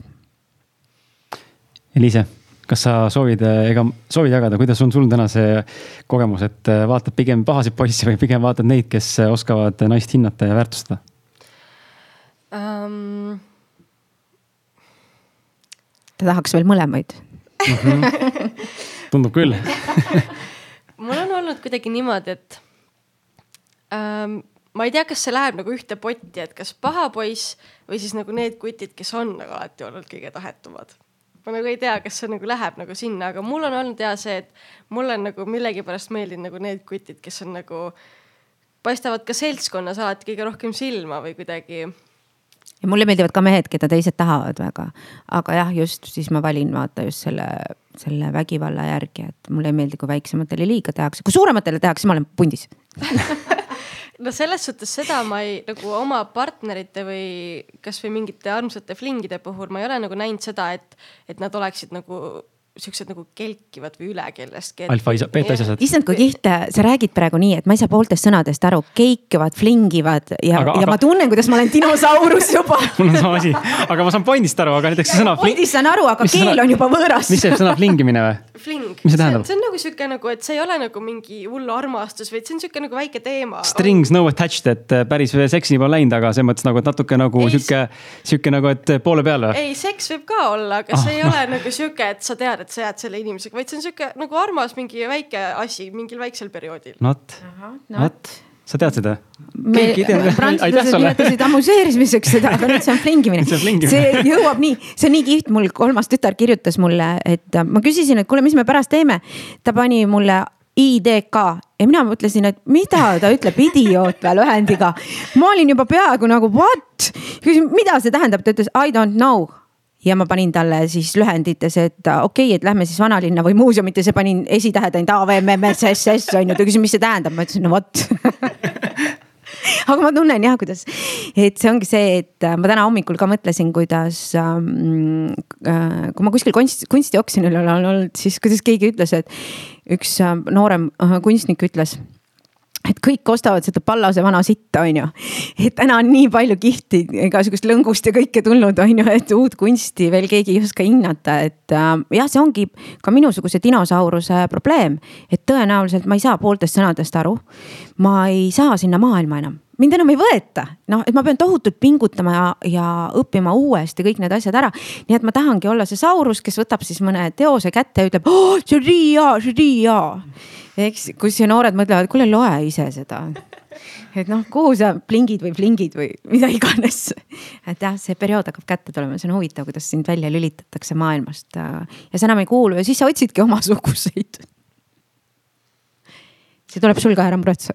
Aga kas teil ei ole nagu seda, et, et need väljendid või mingi släng või see, see tuleb kuidagi automaatselt kuskilt mingitest naljadest või filmidest. aga see ongi teie põlvkonna naljad. Ja tulevadki, meil on, eks ole, Moskva, eks ole, Moskva pisaraid ei usu ja sellised mingid Žuriku seiklused ja täpselt sellised asjad, sealt oli igasuguseid äh,. Fedja nada nada on ju, noh, kõik sellised asjad, et millest sa vaatadki sihukeste suurete silmadega, et esiteks, mis keeles sa räägid ja miks sa üldse seda räägid, eks ju, kuradi russ. Et, et need ongi erinevad maailmad ja polegi midagi teha teha, et see ongi see äh, palju oodatud ja, ja, ja räägitud põlvkondade vahe. Te räägite teist keelt te elate teises mentaalses, vot seesama flingimine on ju. ma võtan selle kuti, meil paar korda oli mingi seks. meie oleks olnud kooli ajal sealt lits, eks, et noh, vot seesama üleminek, et, et äh, ma arvan, see kõik ongi okei okay., see peabki nii juhtuma, te ei peagi olema selles vanas pasas kinni. et te peategi looma uue maailma ja ma ei tunne üldse, et see on halb, et noorus on hukka läinud. mina vaatan praegu oma noorust ja nende noorust, ma mõtlen, issand, kui ilusad ja tublid nad on. tõsiselt, hängivad kuskil natukene kaubanduskeskuses. me panime sellel ajal Lasnamäel kuskil paraadnaid põlema. noh, andsime kolki kuskil kellelegi, saime ise kuskil kolki. see, kuidas pommiti raha välja ja üksteist peksti ja see oli nagu noh oh, õõvastav. mis tegelikult toimus, igal pool olid mingid punkrid ja joomingud ja lahtine õlu ja ja ma isegi ei hakka oma lastele rääkima kõike, eks sellepärast, et noh, ega nad ei jõuakski järgi teha muidugi, sest ja täna on, mulle tundub, vähemalt noorte seas on nii palju seda just, et nad tahavad teha, nad tahavad seda Youtube'i teha, tahavad õppida, tahavad flingida, plingida ja nii edasi, et, et ma arvan, et see põlvkond on palju toredam kui minu oma. isegi minul äh, noorena gümnaasium, isegi gümnaasiumi ajal veel tuldi Lasnamäel noaga ühte eurot, ühte krooni küsima mm, -hmm. ühte krooni yeah Äh, noaga, bussnoaga, et see on me normaalne. läksime kuskile peole ja olime võtnud valed kutid, naised ootasid meid, roosid olid pekstud Laagna poes, siis ta oli Leningradi pood ja ootasid meid. jumal tänatud, et keegi tuli ütlema. meid oleks seal niimoodi vene naised lõikanud, et poleks juppigi järgi jäänud. no just. no just, jah, noh täpselt, et, et noh, vot täna ei kujuta ettegi, et samas on nagu hea, et see kõik on tulnud avalikuks, sa saad filmida, üles panna ja ühiskondlik äh, vastasseis on selle üle tekkinud, et äh, meie ajal sa ei teadnudki, kus sa kaebama läksid, miilitsasse või.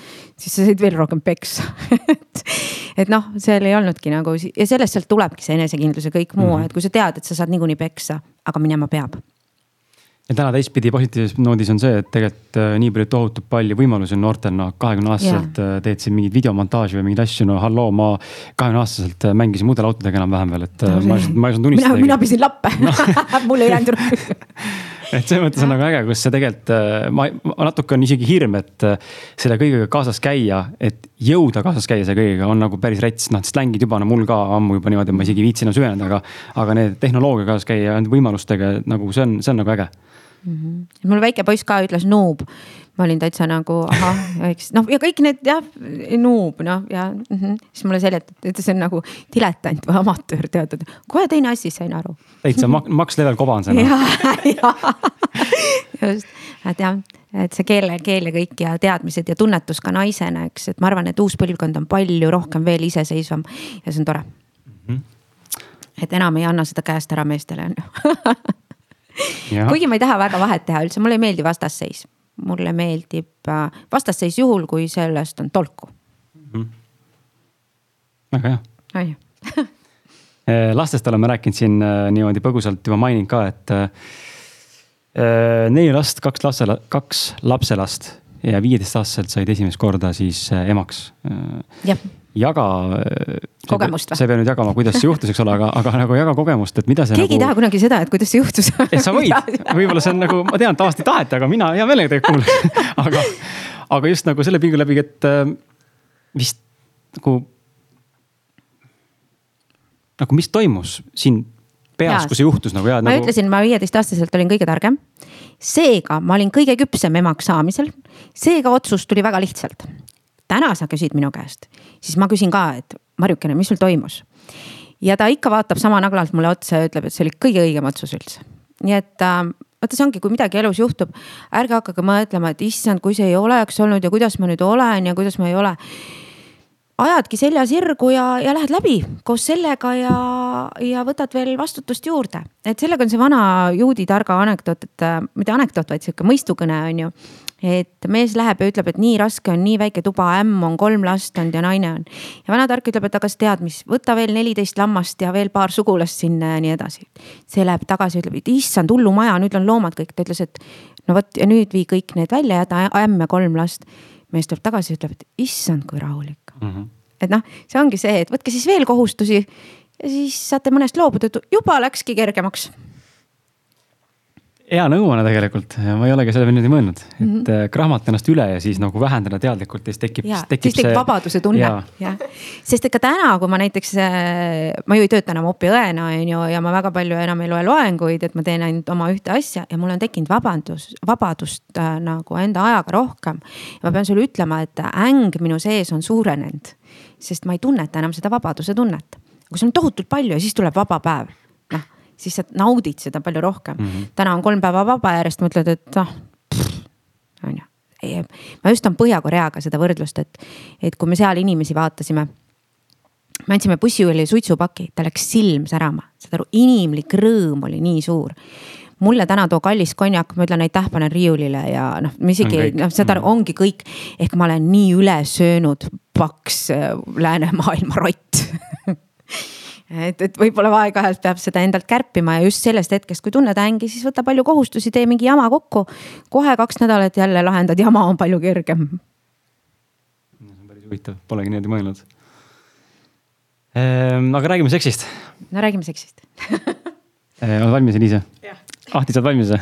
ma arvan, Eliise on siin kõige rohkem valmis kui üldse, sest minuga ka ikka tulevad mingid vanad tabud veel kaasa, on ju et täna noored on äh, ikkagi palju vabamad selles osas. absoluutselt, noh, mina endast rääkida ei saa, aga, aga ma olen nõus, ma kujutan ette, ma, ma oskan, ma oskan ette kujutada ainult, ma olen see mees, kellel on üks partnerlus olnud ainult, et aga, aga no vaatame, et äh.... tead, aga seks ei äh,, ei, kuidas ma ütlen, seks ei väljendu partnerite nagu mahus, vaid selle kvaliteedis. sügavuse kvaliteedis, just, väga õige. aga samas, kus sa õpid siis seda sügavust ja kvaliteeti, kui sa. ainult ühega oled või? Ma arvan, et see ikkagi, see on sihuke inimlikkuse tunnetus, just seesama, et kui sa austad ja armastad sa ju ei tahagi, mis see nagu, vaata kõige hullem on see, et meie mõistuses on seks kogu aeg, kui ots on sees, noh, ütleme, kui hetero, hetero sellisest rääkida, on ju. seks ei ole üldsegi, kui sul ots on sees, eks, et seks on palju, palju rohkemat, kõik see, kuidas sa tunned ennast inimesega käest, tead sa, naine võib lõpetada, kui ilus mees võtab tal käest kinni eks mees samamoodi kaitsetab ja, ja nii edasi. et noh, üks on see, mis on see pool, mida su keha väljendab, teine on see, mida sa nagu enda peas tunnetad, et, et see. seks on suurem ja sellepärast, et nagu noh, minule isiklikult äh, ma tunnen, et mulle kähkukad ei meeldi, mul ei mitte kähkukad, vaid ühesuhted, mul ei ole neid õnneks või kahjuks elus olnud. aga ma ka tunnen, et see ei ole nagu üldse noh, noh, ma olen siis purjus on ju, ma ei mäleta mitte midagi, siis ma pean kuskilt hommikul takso võtma.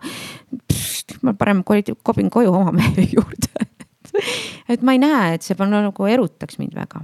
mind väga huvitab, sa ei pea vastama Liisa sellele, aga kas täna huvitav on see täna nagu just nimelt, kui eelmises teemas sai räägitud sellest, et äh, vanem generatsioon või noh, ütleme Marju, sinu generatsioon, minu generatsioon ja nüüd Liisa generatsioon.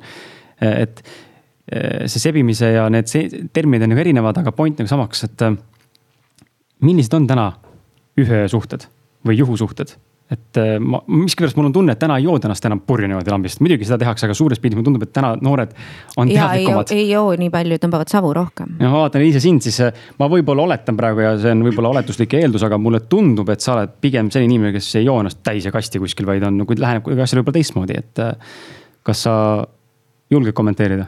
jah. jah, jah. on ühe. järgmine küsimus, palun et milline see siis on? No kui mul on olnud neid ja mul on, on, on neid olnud, siis äh, ma mäletan neid ja ma selles suhtes nagu noh, et ma ei ole mingi hullult kastis ja täis ja purjus olnud.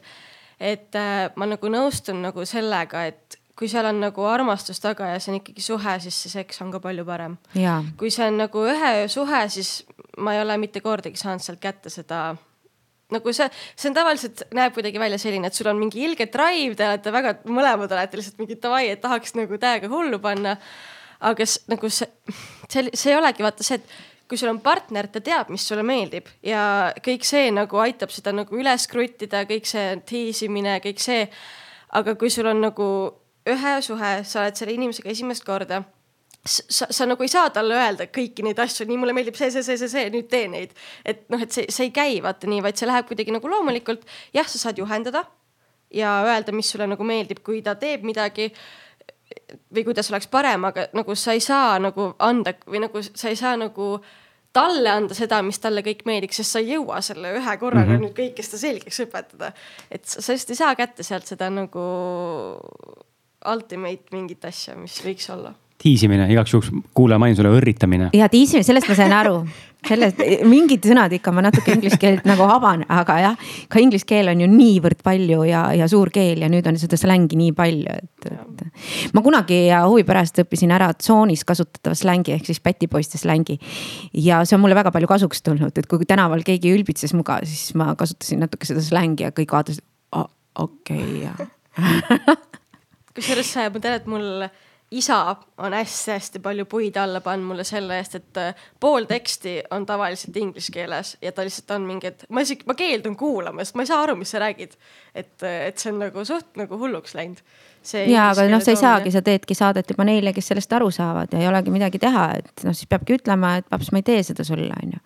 et noh, ma ütlen ka, et me ju kõik, eks, mida vanemaks saame, siis me tahame eesti keelt ja kõike, kõike, eks. aga noh, ei ole enam see maailm, pole midagi teha et ma toon ka selle näite, et väga tihti, kui varem, eks ole, olid igasugused avariid ja ka nagu meditsiinis me sattusime ikkagi äh, vastakuti põhiliselt alkoholiga, siis täna ikkagi me satume põhiliselt vastakuti narkootikumidega, ükskõik kui palju me räägime, et nad on halvad, on see uue ajastu uus märk. ja ka meditsiinis on siis äh, aeg kohaneda. et äh, ja teine just sellest liikluse poole pealt on see, et ma, kui ma ei eksi, siis Saksamaal pandi maha valgusfoorid maapinnale ja põhjus just sellepärast, et kõik on nutiseadmetes jah. pilk on maas. pilk on maas, et meil ei ole mõtet tappa neid noori ja öelda, et kui te ei pane nutiseadet tasku, siis te surete ära. surevadki ja nii me järjest ilma. siis me peame hakkama mõtlema teistmoodi. me toome selle sinna tasandile, kus nad Kohan, näevad. ja me peame kohanema, et meil ei ole mõtet nagu dinosaurus kinni hoida. aga noh, see on see, et see on see, just seesama, millest me ennem rääkisime. see annab ka mulle enesekindlust, et minu maailm on õige. sest teie ju sööte mind praegu juba välja. mingi hetk olen ma lihtsalt mutt, keda võib-olla Eesti Televisioonis aeg-ajalt näidatakse ja naerdakse. et noh, see aga see ongi minu saatus, et, et äh, see arusaamine sellest, et sa peadki lõpetama ja. ja just see kõige suurem oskus, et noh, vananemine, et kuidas mina üldse ilusüstidega räägin mingist vananemist oskusest või kui räägitakse väärikas vananemine. vaata väärikas vananemine on siis, kui sul on raha, et enda eest hoolitseda, osta häid raamatuid, juua head veini ja käia maailmas. ja vananedagi väärikalt nii, et sa saad aru, et noored teevad oma asja ja sina lähedki oma teed ja üks hetk su silmad pannaksegi kinni. et äh, see on minu jaoks see, see väärikus, mitte ajada mingit oma joru, kogu aeg püüda kuskil olla ja sealjuures veel rääkida, kuidas see kõik on jube väärikas, ei ole väärikas on ära minna siis kui aeg on. ja meie puhul siis või üldse inimeste puhul siis on kõige õilsam või mõnusam oleks ju see ka, et sa jõuad vanaduspõlve ja siis noorem generatsioon vaatab sind ja aplodeerib ja saab sinust aru ja austab ja, sind. ja sa ja, ja ikka, ikka. aga noh, pole midagi teha, nad nähtavasti, ma ütlen, et kahekümne aasta pärast, äh, kui juba see vahe on sihuke neli, eks ole, kaks generatsiooni, siis minu noorem generatsioon vaatab mind kindlasti aplodeerib ja mõtleb, et oli ikka vanasti hull et noh, see jah ja üleüldse, mis meie asi on, mis need noored meist mõtlevad. meie ajame oma soru edasi siin ja, ja see ongi jälle seesama, et issand, kas ma jään siis maha, muidugi sa jääd rongist maha, ära roni sinna rongile, mine järgmise rongiga. Neid sõidab veel ja sinusuguseid on ja, ja, ja siis ma püüangi endasugustega sõita. et seesama ka partneri puhul, et otsi seda oma rongi, ära sõida võõraste rongidega. Nad ei vii sind sinna, kus sa tahad Eh, tuleme seksi juurde tagasi korraks. Eh, räägi, eh, räägi mulle, Marju, jaga kuulajatele õppetunde ja nõuandeid. mina olen see seksikuru nüüd. ja, nüüd teeme niimoodi, et teeme nüüd, nii, et sünnitamine ära. ja seks on ikka erinevad asjad. nüüd sildistasime ära, et jaga sina enda kogemust selle koha pealt, et mm, kuidas saaks mees olla naisele parem?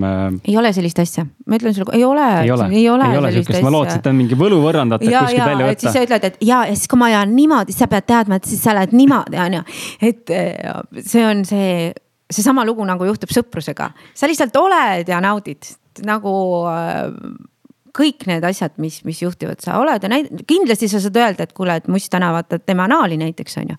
või, või teeme mingeid, proovime mingeid huvitavaid asju või see mulle ei sobi, eks, aga, aga see, et äh, ma ütlen nüüd nii mehed, kui teil nüüd on vasakule poole kaldus, siis teie kõik võidate, ülejäänud te kõik kaotate mm. -mm, seda pole olemas või vähemalt mina arvan, et ei ole olemas ja kõik need jutud, kuidas ma õpetan seksinippe ja, ja, ja mingid kosmopolitanid ja noh, enamik on sihuke müra et äh, see on ikkagi üksteise selline mõnus tunnetus, mida, mida ise kujundate ja ise loote ja.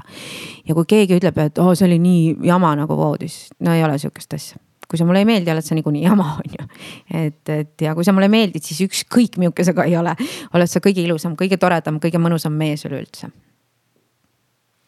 sinu raamatus on, see on positiivne ja negatiivne, tähendab sildistades positiivne ikka, ikka. ja negatiivne, aga nagu suures pildis on lihtsalt äh, üks äh, selline erapooletu äh, lause või mõttelõik, mida saab võtta nii omakasupüüdlikult kui ka nii-öelda siis nagu vältivas olukorras ja ma tahan natuke lahkaks seda ka.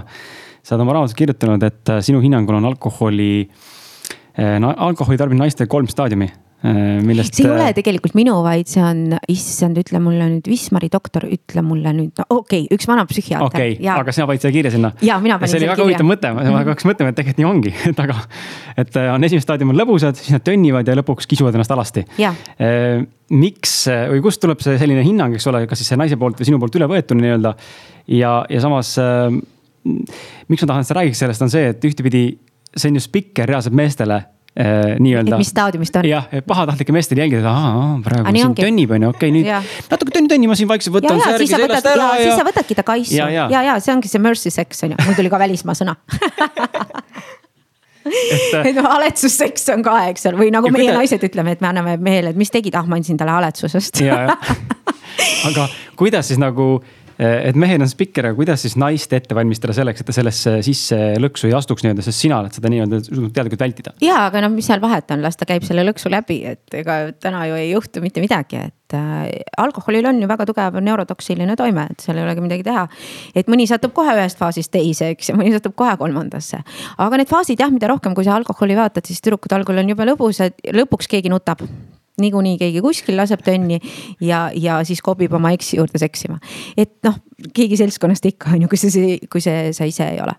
et äh, ma püüan vältida ja püüan enne viimast faasi ruttu koju jõuda et äh, need on sellised jällegi sildistavad üldised faasid. aga ma arvan, nii mõnigi kuulaja tunneb ära, et kui sa lähed ikkagi kell kuus hommikul veel kuskile baari, kus tantsitakse. siis sa võid näha, kuidas naised tõmbavad oma pluusi üles, et isi, noh, see kõik on muutunud selliseks äh, joviaalseks ja, ja, ja natukene võib-olla heale maitsele provokatiivseks. ja ma olen valmis. jah, ma olen soovite. valmis jah, kui soovite ja samas on see, et alkoholijoobes tundlikkus on oluliselt madalam. Mm -hmm, oluliselt nagu madalam Mul... aga pohmellis on jälle oluliselt kõrgem, nii et mõned staadiumid ja. okei okay,, seda ja. ei tea. Pole, pole, kogenud, ei tea, pole kogenud. pohmelli ajal siis nagu üldse või? issand, ma armastan pohmelli, järgmine päev ma, oi wow okei. sest et siis on kõik närvid jälle ergumad, vaata. aa, no vot, vot. Ja siis on seda soojuse ja läheduse vajadust, minusugusel on vaja rohkem, see on nagu see kass on peale tulnud, Ja, vaata ja. mis tekib. ja siis on seda ja, ja mulle meeldivad, et pane kõrva taha. et ja, et mind juuades peaga mina ei taha, ma ei taha üldse juuades peaga, mul tekib kohe plokk, siis ma tahan kakelda, vaata vanast Lasnamäe asjast. aga järgmine päev on jah olen ma täiesti ära räägitav. väga huvitav ähm,. räägi, kuidas on tähelepanuvajadusega sinu elus tohutu, Äh, ja palun äh, täpsusta. palun täpsusta, miks, miks see niimoodi on ja miks inimesed üldse niimoodi üleüldse tegelikult otsivad seda ja miks teistpidi ka ärme jäta nagu halba mulje sellest, vaid ma olen ka veendunud, et seda tegelikult on vaja ja see on okei okay. aga, aga miks see sinus olemas on ja miks inimesed võiks tahta rohkem tähelepanu, vajadust enda ellu nii-öelda nagu tuua, mida see annab meile tegelikult, kui me selle saame? Vaata, kui me praegu ka järgime, siis kogu maailm, mida ta vaatab, ta vaatab, palju sul on Instas follow jaid, palju sul on podcast'is follow jaid ja nii edasi, nii edasi, see kõik on tähelepanuga seotud. mis on veel äh, nagu raskendanud seda, seda vajavad võib-olla ka need, kes enam ei julge. ja meil oli eile just Eerik Orguga oli, oli üks video ülesvõte ja ja ta ütles, et väga paljudel on hirm äh, siis avaliku esinemise ees. aga, aga miks peab, kõik ei peagi avalikult esinema, aga täna kõik tahavad saada hirmust üle avalikult esineda. mõistad, et me elamegi täna maailmas, kus tähelepanu äh, on number üks, mida inimesed taga ajavad. täna ei taha enam äh, noored naised Gucci kotti, vaid nad tahavad Youtube'is videot teha. on nii? see tähelepanu on oluline, sest täna see märgib sinu olulisust maailmas. et äh, samamoodi on noh, kui sul ei ole raha, sa oled vegan ja sul on, ma ei tea, miljon follow jat on ju, siis hakkad ka raha teenima. et täna sa läbi selle tähelepanu teenidki hüvesid ja see surub aina rohkem ja rohkem peale. kas see on hea või halb, see on selle ajastu, igal ajastul on oma, oma, eks ole, vingerpussid, mida inimesed tahavad. et täna on see tähelepanu, see on sunnitud, mitte sunnitud. minu jaoks tähelepanu on väga oluline puhtalt sellepärast, et ma töötan sellisel alal, kus naised peavad mind nägema minu klient, ka tulevane klient, ma pean olema tähelepanu keskmes, sest see toob mulle reaalselt sisse ju profit'it. et äh, ja seda on ka väga paljudel teistel, ma arvan, et ja me kõik täna otsime, on ju Instas, vaatame, issand, tal on nelikümmend kolm miljonit follow'jat, no täitsa lõpp, eks. et see tekitab kohe siukse, et isegi kui sa vaatad, ta on täitsa nagu rumal ja ajab täitsa lolli juttu, aga see follow jate hulk tekitab sul mingi tunde, et, et kurat, midagi peab olema mis tähendabki, see on puhtalt selle tähelepanu ja, ja otseselt seotud, nii et täna võib-olla see tähelepanu on vahetatav rahaks. Mm. -hmm ja sellepärast seda nagu taga aetaksegi, et äh, kui mulle makstakse selle eest, et ma vait oleks ja ei kirjutaks, ju ma teeks niipidi. täna mulle makstakse selle eest, kui ma siin eks ole, käin, ehk siis kaudses mõttes, mitte see, et äh, aga kaudses mõttes ma, ma ju teenin selle pealt reaalselt jah, nüüd tuli saladus välja, ma maksin Marjule, et saatesse ei, ei, sa ei maksnud just, aga noh, ma ütlengi, et see kaudne, kaudne sest et keegi, kes minust ei ole üldse midagi kuulnud või keegi on mõelnud, et issand, see on ju nii loll, eks. võib-olla täna, kui mind kuulab, ütleb, ei olegi nii loll, eks. ja kümne aasta pärast ütleb, et kurat, mul see kurjuse kurts ikkagi häirib. või noh, ükskõik, mida ma siis selleks ajaks olen välja mõelnud ja, ja promon, et me jah, see tähelepanu on puhtalt, puhtalt sellepärast täna vajalik, et et äh, inimesed sind näeksid, ostaksid su kaupa. aga see on kogu aeg olnud, eks Coca-Cola on läbi sajandite teinud reklaami. lihtsalt täna on läinud asi nagu personaalseks. väga personaalseks, mis on hea jällegi, suurfirmad ei saa enam nii palju. aga noh, ka võitlus on läinud isiku tasandiks, et kui sa ka vaatad meie bloggereid on ju, kuidas nad üksteisele ikka aeg-ajalt näts ja näts ära panevad. et äh, aga siis nad saavad jälle nagu follow eid juurde, saad aru mm, -hmm. enam ei ole vaja olla äh, kitlis või ilusas kleidis naine vaid sa võidki noh, ma ei tea, ka rausata seal välja midagi ja see toob veel nagu rahvast juurde. et siin on nii palju nüansse, mida me ei ole võib-olla kakskümmend aastat tagasi noh, oleks kinni pandud inimene, eks. et täna see toob follow'id, see toob fame'i, see tähendab tähelepanu, on ju, mul on jälle vaja baari minna näiteks või ükskõik karjuda, et see olen mina. kõik vaatavad, näe, see loll on jälle ja, aga ta paneb follow ma mm. -hmm. ja ta ostab järgmine kord seda kiisutoitumise reklaamid. absoluutselt. noh, et seal on nagu tohutult suured seosed, nii et see on see tähelepanu ja miks täna kõik tahavad avalikult esineda ja, ja olla seal. minul on lihtne, ma armastan seda, raske on neil just, kellel mm, -hmm. kes õpivad seda huvitav on see, et äh, täna ehitatakse, see oli hea näide tegelikult ja ma toon selle näite siia ka, sest et ta on mind ka maininud ja nüüd on õige aeg mainida seda inimest ka. Andrei Sevakin on või, või Sevakin vist nimi on. Youtuber Eestis, üks, üks suurima jälgijaskonnaga, tal on peaaegu sada viiskümmend tuhat subscriber'it. see on see noor kutt, kes viskas hundi üle nalja ja, ja, ja minu üle ka. ja, ja minu üle ka aga see selleks, ma ei vaadanud, aga see selleks. aga meie, mis me praegu teeme, me loome talle veel ja, vaatajaid. et äh, hea meelega minge vaadake teda, et tema on ehitanud oma kanali üles selle peale, et võtab ette erinevad saated ja erinevad, ma ei tea, mis iganes episoodid, minu puhul tegi siis see Epu seksisaadet seal kuidagi mingid, ma arvan, mingi kommenteeris Eh, Norris tähti nii-öelda ja ta on ehitanud üles oma kanali selle pealt, et ta nagu siis reageerib nendele saadetele nii-öelda ja annab oma kommentaari juurde, mis iseenesest on nagu kihvt, tore. mina otsin alati, noh, ma saan aru, miks inimestele meeldib, see ongi meelelahutus, entertainment, mina otsin nagu sügavust ja selles, mina nagu, mulle see meeldib, mis ta teeb. ja see ei ole üldse oluline, aga lihtsalt on nagu hästi näha, kuidas täna on tekkinud uus nagu selles mõttes väga töötav äh, nii-öelda nagu tööriist või selles mõttes nagu haru, et sa sa, sa isegi ei pea ise enam content'i looma, välja mõtlema, vaid sa reageerid millelegi või siis halvustad midagi või siis kirud midagi. ja selle pealt tuleb sul rõvedad kuulajaid, jälgijaid. ulme mm, -hmm. ulme tegelikult, kuhu me jõudnud oleme. sa pead mõtlema. ja nii ongi, et ükskõik, kui me ja kui ma leian mõne kommentaari, kus on kirjutatud äh, näiteks raamatu kohta halvasti, siis ma jah, noh isiklik mõtled küll, et, äh, et ütleks midagi, aga sa saad aru, et nii kui sa kommenteerid nii saab tema ju selle feimi ja sa lihtsalt ei tee seda. ehk siis tegelikult terve elu peadki sa ka oskama laveerida seda, et vaat, kui sa ütlesid solvumine või mitte, sa lihtsalt ei reageerigi.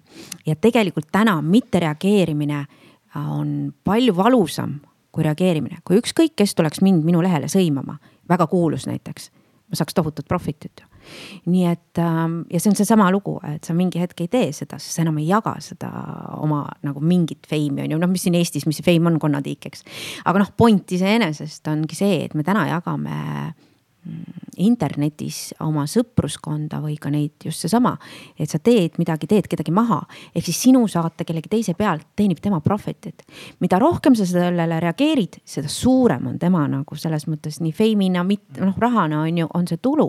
et me noh, ongi see, et seal peadki hakkama vaatama ja ka muu noh, muus elus ärge reageerige, kui te ei taha, et see inimene saaks seda tähelepanu oluliselt rohkem. ja täna tähelepanu tahavad kõik, sest noh, see ongi see, et sa tegelikult annad annad sellele vaenlasele raha, on ju. see on huvitav kontseptsioon, millest ma ei mäleta, kellega ma rääkisin sellest, aga ma sattusin samale teemale rääkima ja natuke teistsuguse sõnastusega, aga point oli sama, et kui sa täna tunned, et sa tahad kedagi kritiseerida, maha teha ja nii-öelda nagu avalikult nagu alandada, siis tegelikult sa teed. sa, sa ei, sa ei, sa ei tee teda maha, vaid sa tõstad ta edu varem või hiljem lihtsalt. küsimus on, kui suurelt. Aga inimesed ei mõtle selle peale, mõtlevad, et ma keeran sitta, on ju oi, ma nüüd tulen näitan Marjule, raisk kirjutan. sest sellega oli nii kihvt, et kui Alkeemia, eks ole, me kõik teame täna .ee on tegelikult Pilgrim kirjastuse omanik, kes siis äh,, Esper ostis mingit Äh, raamatuõigused ära ja tegi siis selle naine otse ausalt, siis nad ju avalikult kutsusid, eks äh, mind halvustama. ja noh, ma ütlesin ka, et me ei, ei saa reageerida, eks, et noh, nüüd ma praegu räägin sellest, et ei olegi mõtet reageerida ja tõenäoliselt nad lootsid, et tuleb õudselt palju halba sellega.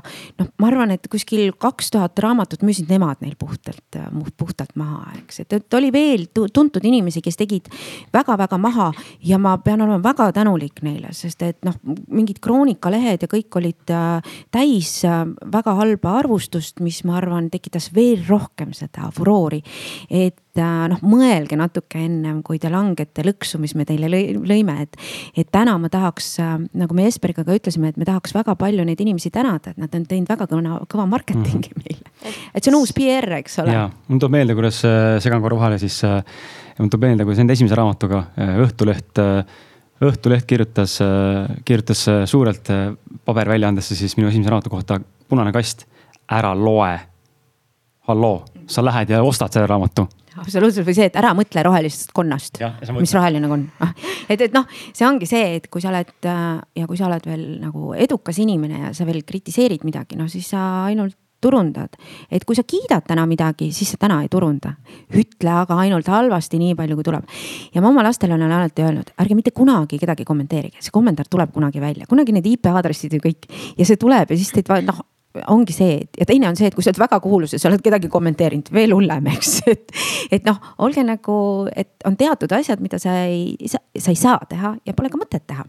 aga ja, et äh, täna on selline äh, mõnus hetk, kus kõik sihuke ilus asi läheb selliseks ja kui keegi paneb, et näiteks ma ei tea, kasvõi äh, kellegi kohta, et issand, ta on nagu rõve ja blablabla, hopsti see klikid ainult tulevad. kliendid tulevad. ja kliendid tulevad ja klikid tulevad.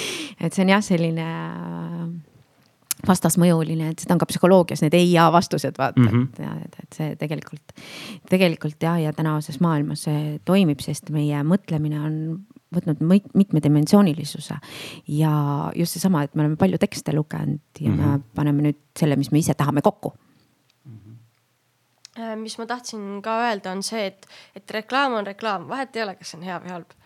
et. oleneb, kui sa ikka mingi laste pilastamisega vahele jääd, siis kurat, see ei ole reklaam okei okay,, nojah et siis sa võid ikkagi sattuda surve alla, eks, et, et noh, on ikka mingeid hetki, kus sa tõesti, siis sa võid sattuda mingi, aga muud sellised, kus keegi ütleb su kohta halvasti mm -hmm. või sind nähti mingis kontekstis.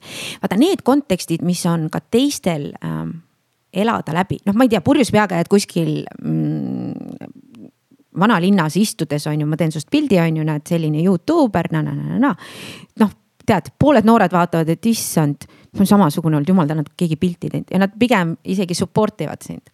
jälle tuli hea sõna, on ju, vaata, ma hakkan ikka kohanema mm -hmm, ja mm, -hmm. ja siis toetavad, on ju. et, et, et äh, reklaam on reklaam, aga sa pead nagu jah, et kui see muutub selliseks, mis sa, kus sa hea mm, kuidas ma ütlen siis moraali, tõsise moraali konksu piiri ületad, siis see võib ikka saatuslikuks saada. et ma arvan, et Ameerikas täna on see juhtum just, kus võistkonnad nimetavad ennast ümber, ma ei tea, kui tõsi see on, eks, aga noh, kui reaalselt vaadata, siis see ühiskonna surve võib olla tohutu täiesti mingi imeliku koha pealt. ja samas on nagu see, et äh, samas sa kaotad ju ikka, kui sa ümber nimetad, siis mõned mõtlevad, kuidas sa sihuke bussi oled, on ju. ja kui sa ei nimeta, siis kuidas sa sihuke rassist oled. kogu aeg kõigile meeldida ka ei saa, aga jah, sellise enam-vähem piiri peal, kus sa saad natukene tümitada, eks. ja ärritad just sinust kõvemaid. et ma alati ütlen, et äh, kui me ka Ingrid Margusega rääkisime ja ta ütles, et kuidagi näitlejatöö või nii edasi ja ma ütlesin, et proovi sattuda sinna, kus ma ei tea, näiteks Demi Moore ütleb su kohta sitasti avalikult. That's it, you are famous. Ja, aga ta ütles näiteks sitasti.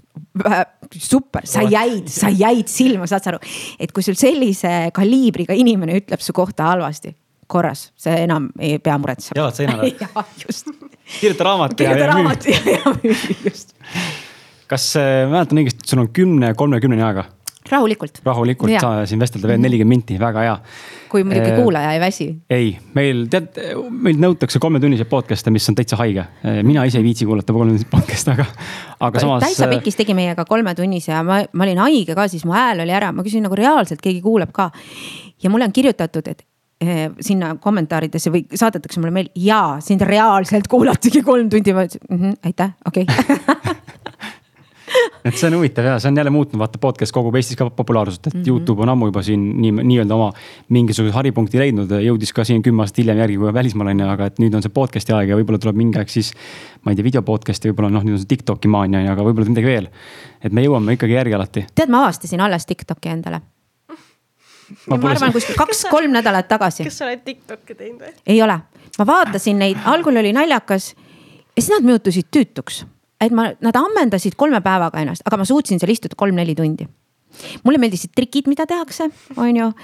ja siis oli palju seal sellist, millest ma aru ei saanud ja siis ma püüdsin neid tantsusamme järgi teha. no see ei õnnestunud, eks, ja siis ma tundsin, et aa ei dinosaurus läks oma koopasse tagasi see on väga armas. aga jah, ma ikka püüan sealt vaadata sellepärast, et mul on lapselaps, kes äh, teeb Tiktok'e. Seitsmeaastane poiss ja, ja vaatab neid Tiktok'e üsna palju. Pressure on peal. ja pressure on peal, seepärast et muidu sa istud lapselapsega ja, ja täpselt räägib sulle mingeid asju, ahah, ahah, nagu et noh, midagi ma ikka püüan jälgida, aga noh, ma tunnen jälle, et jah, et, et mul ei ole sellega nagu seost. ja vaata, see ongi see paha asi, et siis ütled, et oi, see on jama, ei ole jama, see ei ole minu maailm lihtsalt. töötab, kui sa tööle paned selle., just ja, ja see ei ole nagu sinu asi, et, et miks ma nagu hoidun ka. et väga paljud, Neeme Järvi ühe korra ütles, et äh, kui läks see, ütle mulle Sünne Valtri bänd, mis ta oli see Oh. no selge, üldiselt läks laiali ja siis nad ERR-is kahekesti siis Kärmasega. kas keegi üldse seda kuulab ja noh, kui lollid saavad olla. noh, miks sa teed nii, sa teed ise head klassikat. et Pärt on öelnud, kõige parem klassika on vaikus mm. -hmm. nii et kes siis lõpuks üldse loll on, eks. et ärge tehke teiste asju maha, aga samas mulle meeldib see, kuidas Volkonski kunagi oli siis äh, ühele heliloojale, kes oli küsinud, et mis on meie mehe saladus, seletanud, et vaata, et äh, kärbestele meeldib ka sitt, on ju, et noh, võtke nagu rahulikult, igale ühele, igale maitsele on midagi ja see, kui keegi valdab akadeemiliselt äh, teatud keelt või teatud muusikaoskusi ei tee teda surematuks. et just see, et kus inimesed peavad ennast paremaks noh, mõni toitub jube ilusti, on ju, teeb sporti ja ta kohe nagu tõuseb tead pjedestaalile mm, -hmm. mõni hakkab jumalat uskuma, kohe on ta nagu parem inimene, ei ole, sama sitt sured ära niikuinii. et noh, ärge nagu kujutage ette, et te nüüd leiate midagi või te oskate midagi jube hästi, et te olete teistest surijatest paremad, ei ole. lõpus korisete, värisete ja situte ikka täis mm, -hmm. kõik. nii ongi see on hea toores, mulle nii meeldib see, kui me oleme varem saates rääkinud, inimesed kardavad siin rääkida seksist ja, ja, ja ma ei tea, millest iganes veel, aga samamoodi on see lugu, ma toon alati näite, et, et noh, perset pühime kõik ühtemoodi, miks me nagu kardame. ei pühi erinevalt, mõni Covidi ajal ostis ju tohutult vetsupaberit, kui pool miljonit pühib, pühib kogu aeg palja käega. ja noh, Covid muutis seda.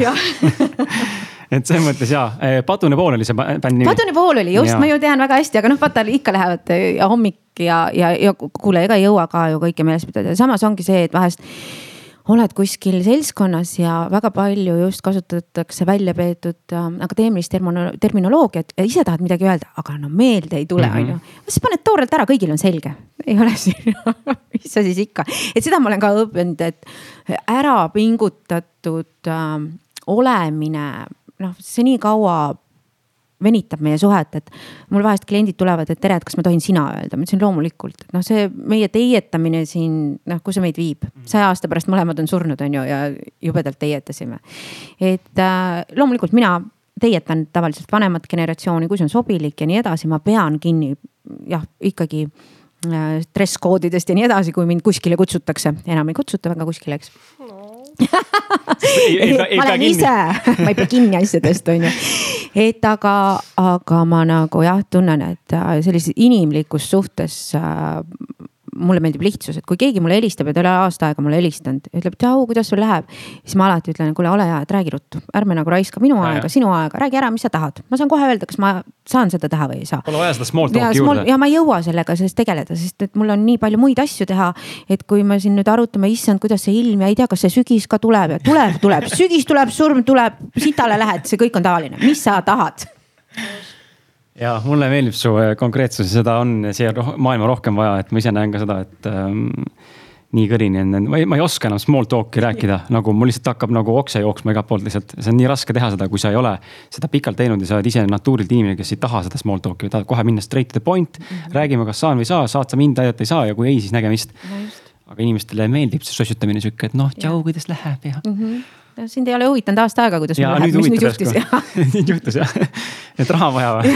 absoluutselt, mina näiteks, kui lapsed minuga väga ilusti äh, räägivad, siis ma küsin kohe, kas raha on vaja noh, ei ole. vastus on jaa, jah? no vastus on sihuke, et ega me ei ole, me ikka armastame ka sind, ma ütlesin ärge valetage, mis see summa on aga sa tõid vestluses välja selle sotsiaalmeedia TikToki näite juures ühe huvitava pointi, mis tegelikult läks kokku mu eelmise küsimusega, mida ma ei küsinud.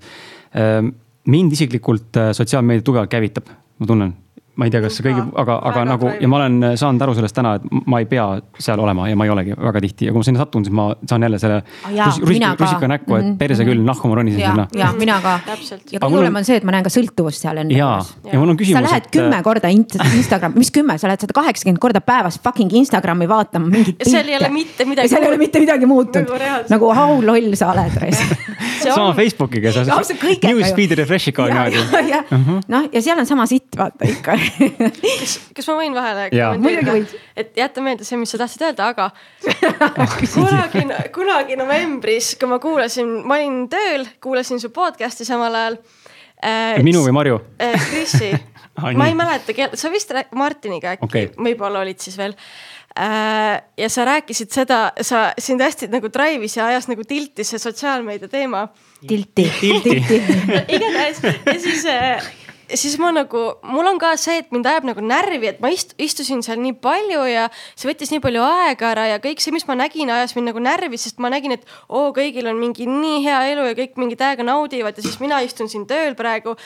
ma lükkasin Foldi Instagrami, Snapchati, Messengeri, ma kustutasin kõik äpid ära. mul ei olnud, ma arvan, mingi peaaegu et pool aastat ei olnud neid äppe ja ma võitsin sellest iga päev mitu tundi aega, sest nagu must see telefoni screen time oli mingi neli pluss tundi päevas. see läks mingi kahe tunni peale ja mõtle, kui sa paned iga päev kaks tundi kuskile nagu töösse, selle asemel, et passida mingis, mingit instat või snappi, mis sulle mitte sittagi ei anna, reaalselt nagu ja siis nagu see oli nagu väga hea impact ja see oli nagu üks kõige äge, ägedamaid asju, mis meeletu execution tekib sealt, ehk siis nagu Jah. tootlus tekib, ta on tagant juurde drive, aga minu küsimus on see, et mis siis juhtus, miks tagasi läksid? nagu alkohooliku vaata oota, kurat, ikka peaks vaatama, mitu laiki ma tulnud olin on. nagu ka anonüümsetes olin anonüümsetes ära, kõik oli jube tore, jube juba tundsin tervene ja tuli sõber no miks ma sinna tagasi läksin, oli tegelikult see, et kriisi ajal ma olin hästi nagu, ma olin, ma olin konkreetselt oma toas üksinda ja mu nii-öelda see social part oli väga dry nagu. Social part oli väga try ja ma sain aru, kuivas kokku aga, ja- aga, aga huvitav, kui oli slängi tegelikult inimesed, noore inimese sees on ju. ja oligi see, et äh, ma nagu ei teadnud, mida inim-, noh, mul oli nagu ikka väga nagu ma konkreetselt päevast hommikust õhtuni õppisin laua taga, tegin ülikooli asju või noh, mul läks nagu nii igavaks, et siis ma tõmbasin nagu tagasi need mm -hmm. asjad. Nii et seda on ikkagi meile vaja, aga see ongi see, et kuidas sa nagu suudad seda ajastada ja nii edasi. mina olen täielik ohver, et minust me praegu ei räägi, et mul homsest hakkab selles mõttes nagu väike puhkus, et siis ma olen küll ütelnud, et kõik istuvad ainult kaks tundi et isegi tööasju ma teen kaks tundi. ma tahan näha, kuidas see kõik välja kukub muidugi, aga noh, ma püüan vähemalt rohkem jalutada väljas olla, ma lähen Tartusse, ma tassin kõik need oma tatikarja siis Kumu, kõik kunsti, tähendab Eesti äh, kunstimuuseumis. Ahhaasse kindlasti. Ahhaasse kindlasti Tagur, tagurpidi maja. tagurpidi maja, noh kindlasti, eks ole, sest et äh, mingi hetk ma tahtsin neid viia ja kuidagi ongi jäänud see Tartu osa, nii et nüüd ma lähen Tartusse homse, homse hooga.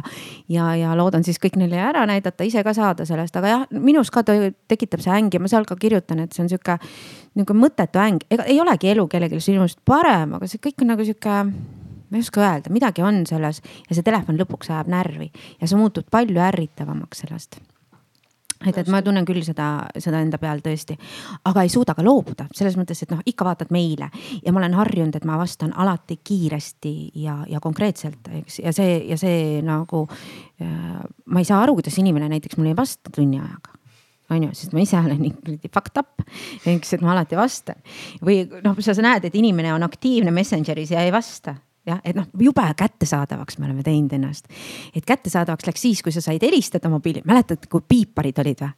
ei. ei mäleta, vana sa oled? kakskümmend, kakskümmend kaheksa sa oled kurat nii noor ju, sul on kõik üle ees piiparid olid sellised asjad, me istusime seltskonnaga ja see oli puusa peal, kell käis piip-piip, vaatab, ta peab minema, ma ütlesin, kuhu sa lähed ma pean helistama, ehk siis ta pidi otsima lähima putka, kus sai siis sellele inimesele helistada, eks.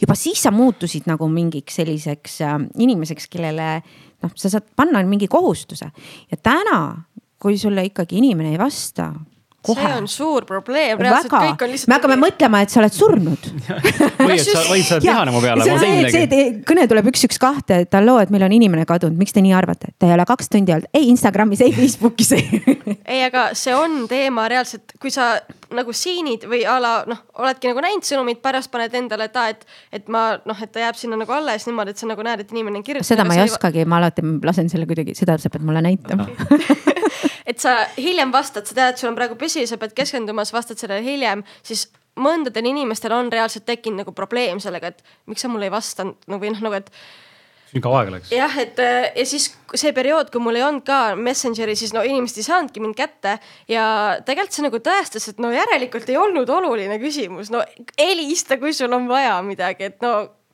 see näitab ka seda, et äh, vaata, sa ütlesid, ei saanud kätte, aga telefon oli ometi olemas ja, ja. mitte lennurežiimil, ehk siis ja. sõbrad ka ei helista, järelikult, kas nüüd on sõbrad? Ja, ja, ja see, see igavene küsimus, et kes on tõeline sõber, on ju, tuleb välja sellest, kui ta ei suuda Messengerist välja tulla. tead, mida ma veel rohkem vihkan või? mul vanem tütar saadab häälsõnumeid, sa bitch oled juba nii raisk, et sa paned mingi pläusti alla. ja pljääd, ma pean võtma aja, et seda paska kuulata, on ju. üldjuhul on see mingi sisutühi, kuule, ma leidsin selle asja, kas ma panen selle sinna, mis niikuinii vajab nagu pikaajalisemast selgitamist ja sa enam ei toksi vaata, sest toksimine võtab rohkem aega. et sa võidki sihuke, ma siin kuradi hommikul ärkasin, mõtlesin, et tead, meil meelde tuleb, siis ma pärast annan teada sulle, ja sa teed hommikul lahti siukse pläusti, onju. ja see, sina pead oma aja võtma ja kuulama seda, eks. ja ta ei ole sinna oma aega väga palju pannud. ja samas, kas seal ei ole see, et äh, sa saad sellega paremini edasi anda seda nagu häält või emotsiooni ka? ja, ja vahetum ja. sõnum ikka, ikka, aga noh, saad aru ma vihkan toksimist ise, ma tean, et see on noh, minusugusel dinosaurusel ühe näpuga vajab pingutust siis ma tahan, et teine ka pingutaks. ja, ja just see, et äh, väga tihti on mul inimesed ümber, ma ei saa võtta seda sõnumit lahti ja kuulata. sest et meil on äh, tütardega vahet olematu äh, suhtlus, mis tähendab seda, et ma mitte kunagi ei tea, kui ta saadab mulle kell kolm öösel häälsõnumi kus, mis, mis staadium ja, ja, ja, ja kuidas on. no ja küsimus, kus ma olen kolm öösel, on ju. Et, et ka päevastel aegadel, et ka siis, kui on vaja mingeid tööasju arutada, noh, sa ei saagi vastu võtta, on ju, et siis mulle meeldib nagu aga jah, ma ise mõtlen, et ma hakkan ka kõigile häälsõnumeid tegema ja mingeid siukseid räigeid, räigeid siukseid pikki ja tohutud. ja teine seda, et ma veel pikin sinna mingeid äh, selliseid tema jaoks piinlikke asju vahele, kui ma tean, et ta veel kuskil istub. Sellega on, äh, ongi huvitav, see on nagu mugav sulle endal seda teisele edastada aga kui sul tuleb vastu seitse tükki, siis äh, seitse korda üks minut on seitse minutit järjest kuulamist, siis sa ei viitsi kuulata lihtsalt, sa mõtled nagu, et halloo, no come on. ja justkui on veel small talk vaata jube pikalt. ma siin mõtlesin, et kuidas, kuidas sa mõtlesid, kas sa mõtlesid ja kuidas me siis mõtleme tegelikult ma vist segasin vahele ja Kris tahtis enne midagi rääkida. Äh, ma ei mäleta enam. see ei ole ka nii äh, tead. see pole oluline. see pole jah, ma arvan, et elus kõik, vaata, kui sa ütlesid, et ju ma tahtsin valetada, et sellega on veel üks teooria, et kui sa midagi maha unustad, siis sa tegid seda meelega mm -hmm.. noh, igasuguseid vahvaid teooriaid on ja just vastavalt sellele siis, mis inimesele sobib, siis ta valibki välja just see, et kui poiss äh, unustas mingi asja, kindlasti ei armasta mm. -hmm. sest ta tegi seda meelega jah, ja seesama, mis su enda peas on, on nagu paned seda kõigile teisele, nagu sinule meeldivad need skisofreenikud ja, ja koleerikud ja patoloogiad ja mittepatoloogiad on ju et äh, no vot ja siis me toodame sedasama, et sa juba vaatad inimesele peale. ja ma, ma tean, ma tean kõike. Mm. -hmm. just, ehk siis tähtkuju järgi on ju, flegmaatilisuse järgi kõik juba ma tean, siin ei noh, siin ei ole mõtet rääkida enam. Et ma tean, milline sa oled, et, et me täna ka ei anna aega teisele ennast äh, minu enda jaoks nagu avada, on ju. et ma otsustan väga kiiresti ära. Äh, hüppame ettevõtlusesse mm, -hmm. täitsa random niimoodi, et mm -hmm. mulle väga meeldis see ettevõtluse osa ka, mis sa siin jagasid, just töö ja raha suhted ka. ja räägime rahast, räägime ettevõtlusest, et kuna Eliise pole lugenud raamatut, siis palun, Ahti, sa oled? Väga hea, siis äh, jaga, issand jumal, te pole lugenud seda raamatut. miks ma pean teiega rääkima et jaga enda seda kogemust, mis sa raamatus rääkisid. Äh, kust algas see ettevõtja geen, sul on üks huvitav story sellega, mis, äh, mis oli sinu esimene illegaalne äri noh, selles mõttes oli ta nagu legaalne on ju. et tollel ajal ei olnudki illegaalseid ja legaalseid oli, olid need, mille eest sa kinni läksid ja need, mis riigile maksti. et see on see tunnistuse võltsimise lugu, mõtled, eks mm ole, ja et äh, lihtsalt minu isa õpetas mulle keemiat natukene varem, kui oleks pidanud. ehk siis ma teadsin, kuidas tunnistuste pealt pastakat maha võtta ja sinna uuesti siis hinne kirjutada. loomulikult sattusid vaimustusse kõik minu koolivennad ja ka klientuur laienes Lasnamäel. mis tähendab seda, et äh, alati, kui oli veerandi lõpp, siis oli mul ikkagi hunnikutes tunnistusi milles teha paber, ilusaid tunnistusi. kas see paber siis nagu pärast tindi eemaldamist ei jäänud kuidagi nagu? sa pead seda oskama okay., väga, väga täpse lahusega ta ei jää ilusti pärast ära kuivatada ja ilusalt peale kirjutada, siis lähivaatlusel muidugi sa saad aru, aga noh, kes see papad-mammad. teine on see, et kui natuke läks sitemini, siis lasid seda, no kuule, poisi koolikotis tunnistus lähebki märjaks, mhm. sitaseks mm -hmm. ja imelikuks on ju. et see ei olnud nagu väga-väga suur probleem, mis tähendas seda, et siis äh, see oli rubla aeg tead, ma ei mäleta, aga see ei olnud väike raha ja ega ma, ega ma ikka näo järgi ka panin seda, seda, nii et äh, veerandi lõpud olid, see oli nagu ma ka ühes äh, saates ütlesin, et see oli projektipõhine töö sul olid veerandi lõpud ja, ja aastavahetuseks oli projektipõhine töö. pappi voolas. pappi tuli ja just siis, kui ja muidugi aasta lõpus said lapsed peksa kodudes on ju. aga noh, see ei ole ju minu asi, eks, mina olen ainult töö teostaja, teenuse osutaja et kui täna kallim ostab äh, enda armukesele briljantsõrmuse, siis ega naine ei lähe müüjat peksma ju, eks nii et samasugune seis, et jah, ma, mul on selliseid pisikuid ikka olnud, mulle meeldib teha mingitest imelikestest asjadest äh, raha. täna enam seda ei saa teha, täna juba on see äh, täitsa legaalne ja täiesti toitev, toitev, nii et ma enam ei pea tegema. aga ma kindlasti olen see tüüp, kes äh, sattudes kuskile koldesse äh, looks mingeid äh, noh, kommuune ja, ja, ja looks. jaburaid lahendusi. jaburaid lahendusi ja et, et et mm -hmm. sest ma ei saa vahest aru, kui inimesed ütlevad, ma ei oska, no ma ei tea, sure ära siis, kui ei oska. et noh, me kõik oskame midagi, me kõik oskame. Ja mulle meeldivad eriti need inimesed, kes tõesti mitte sittagi ei oska ja võtavad pappi. noh, need on veel kõige kõvemad inimesed minu jaoks, et sa tõesti ju, sa ei oska ühtegi ametit. Ja, ja sa oled jube kuulus, vot need on noh, nagu vau. Noh, et ma olen ikka pidanud midagi õppima täna on, äh, ma tean, et sa ise ei ole ka väga suur New Age'i esoteerika pooldaja, ma ei ole, ma olen sihuke kahe vahel, ma nagu New Age'i ei poolda, aga ma olen esoteerika usku mingil määral, sõltub kogemusest, aga mm -hmm. täna on väga palju neid äh, self-made gurusid, kes lihtsalt müüvad äh, sõna otseses mõttes sitta sulle ämbritega. Tead, ma pean sulle ütlema, et ma aeg-ajalt jälgin mingeid asju ja niikaua, kui nad müüvad sellist mindset'i muutmist, kus mõni saab abi, on see minu jaoks okei okay.. mulle muutub siis, kui nad ikkagi lubavad kõikidele haigustele ühte ja sama asja ja müües seda mitte väikse raha eest. et kas me toome näiteks näide MMS mm. ja ma tean isegi enda ümber inimesi, kes tarbivad seda ja noh, ma võin seda loengut pidada, neil on oma usk ja meil ei ole noh, saad aru ja ma ei ole ka, eks äh, täna Tervishoiuamet, kes selle eest nüüd hirmsasti peaks nagu nina veriseks võitlema. aga no tõesti, et see mõistus, et sajandeid on inimesed seda alkeemiat ju proovinud leida, et ühte valemit kõikidele. seda ei ole leitud, ei leia seda meie põlvkond ega järgmine põlvkond. ja inimesed on oma lootusetuses nõus sööma-jooma kõike vahest mõned asjad aitavadki ja kõige suurem on ikkagi see usk, mis tegelikult kindlasti aitab. et ka hea ravim ei saa aidata puhtalt sellepärast, kui sa ei usu seda. ma tahtsingi jõuda, et kas see platseebo võib olla vabalt inimeste puhul. ka platseebo kindlasti kindlasti, ma arvan, see õnnetunne ja kõik nagu isegi oled õnnelik mm, -hmm. päev läheb kohe palju paremini. ja sa oled õnnetu, eks, et täna ma ei, ma ei kuula üldse horoskoope, aga täna ma tulin, Sky plussis olid just äh, Kivisaar äh, luges ette, eks ja, ja siis ma mõtlesin, et issand, kui jube, sa kuuledki enda kohta ja su päev, vaata nüüd, mis ma ka raamatus ütlen, et on ette täide minevad ennustused mm. -hmm. sulle öeldakse, et täna su päev läheb halvaks ja minu ema oli see, kes nägi mind unes halvasti, kohe helistas. tead, Tibu, ma nägin sind halvasti. ja ma mingis vanuses nagu murdsin ära ütlesin, tead, lõpeta see pläma ära sest sul on mhm. kogu aeg hinges hirm, nüüd lähebki halvasti, nüüd läheb halvasti ja mis sa siis toodad. sa tuled, Kris, küsid mult, kuidas sul läheb, ma juba mõtlen, mis sa siit tahad, on ju mm. -hmm. kindlasti kuradi urgitsed siin või tuled mulle halva uudisega. ma juba võtan selle, kui sa näed, et ma olen negatiivne, sa muutud ka negatiivseks ja siis me istume seal sopas ja sööme seda kõik koos. et ei, ma ei luba täna ei, ei ühelgi horoskoopil, kaartidel või millelgi muul dikteerida minu elu mina otsustan seda, mis ma teen. ja, ja seesama see esoteerika, mulle ei meeldi kõik see, kuidas antakse ära oma jõud kividele noh, mida, mida seal veel, kivid, kristallid. et vot nüüd ma panen selle kristalli taskusse, nüüd mul läheb hästi. sa võid seda endale lubada, aga jalad tuleb perse alt välja ajada. sa pead ise tegema, sa ei saa istuda kodus kristall taskus ja öelda, et noh, ja ei tulnudki või näed, tuligi, no tead, vahest jopab ka, on ju aga jah, ma sellistesse asjadesse, ma ei, ma ei, mulle ei meeldi need, need äh, inimesed, kes lollitavad äh, teisi äh, mõni teeb seda loomulikult, et ta ise usub, siis noh, ega sa ei saagi midagi teha. vaata, see on jälle seesama lugu, et see lihtsalt mulle ei sobi mina olen otsustanud, et ma otsustan ise oma elu üle.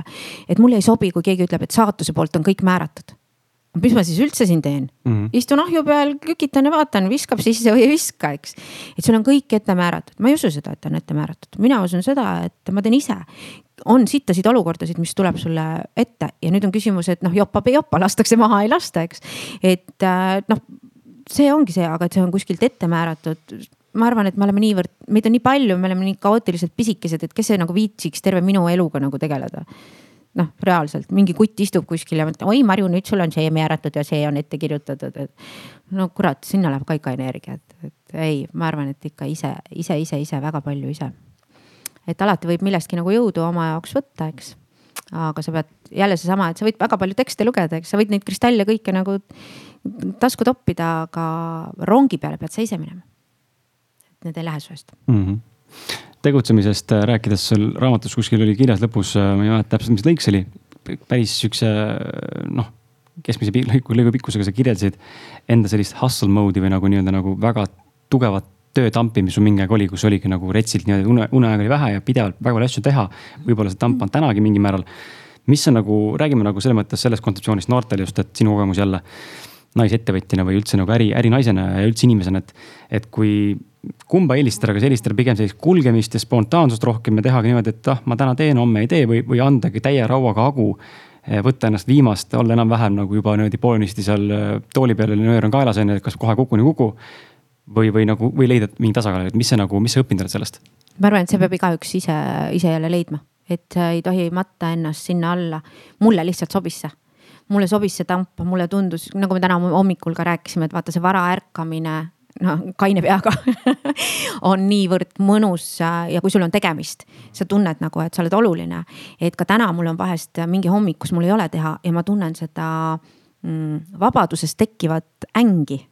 sa ei peagi minema, et minule sobib tamp, aga mõndadele sobibki, vahest lazy sfeer on ju, vaatan, kuidas mul läheb, vaatan mingeid muid asju. et ärge nagu võtke, et te peate hommikul tõusma, see ei ole hommikuinimene, siis sa lihtsalt tapad ennast ära sellega et ikka see, et ettevõtlus tähendab seda, et sa oled edukas oma sfääris ja sa saad olla seal edukas, kui sa naudid seda. sa ei saa olla edukas näiteks, et ma ei tea, ma müün, ma ei kujuta ette, mida, esoteerilisi raamatuid ja ma ise ei usu nendesse. noh, siis ma istungi seal kõrval, ütlen, et noh, te võite ju osta, aga jah, ei tööta. Et noh, sa ei saa seda teha, eks, ja et samamoodi on sellega, et võite et väga paljud äriinimesed on välja kasvanud just puhtalt laiskusest ja meil on Eestis üks keeleäpp ja mulle nii meeldis Tartus see poiss, kes ütles, et ma olin nii laisk, et keelt lihtsalt muidu õppida, ma pidin selle äpi tegema, noh. et see ongi see, et tohutu laiskus võib viia ta sinnamaani, eks, et teine rapsib elu lõpuni ja, ja lõpetab ikka kuskil noh, keskmisena ja, ja aga, aga ta on kogu aeg panustanud, ta on tõusnud kell kuus hommikul ja läinud kell üks öösel magama. aga ta on teinud seda sellepärast, et talle tundub, et siis on õige. vaata, siin on see meie tammsaarelik rügamine ja sa isegi ei saa aru, miks sa rügad. noh, pärast lapsed ütlevad ka, et kuule, tead, pista oma talukaks tahad, eks mm.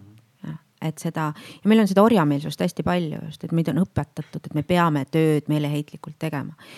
ei, ma arvan, et sa pead oma niši leidma just selle mõnusas kontekstis, mis sulle meeldib, mis sa nagu oled, selle pealt võid sa ju proovida teenida, vahest jopab, vahest ei jopa. et ka just see meie jube kiidetud, et oi, kõik on täna noh, et saadki mehega tuttavaks näiteks on ju sihuke kõige labasam. ja siis, aga mis ta teeb, issand, tal on oma firma ja minu arust täna on igal praeksul oma firma on ju, et aga mis see käive on, no käive ei ole ka kasum, eks, ja kui palju sinna läheb seda närvi ja kõike, et.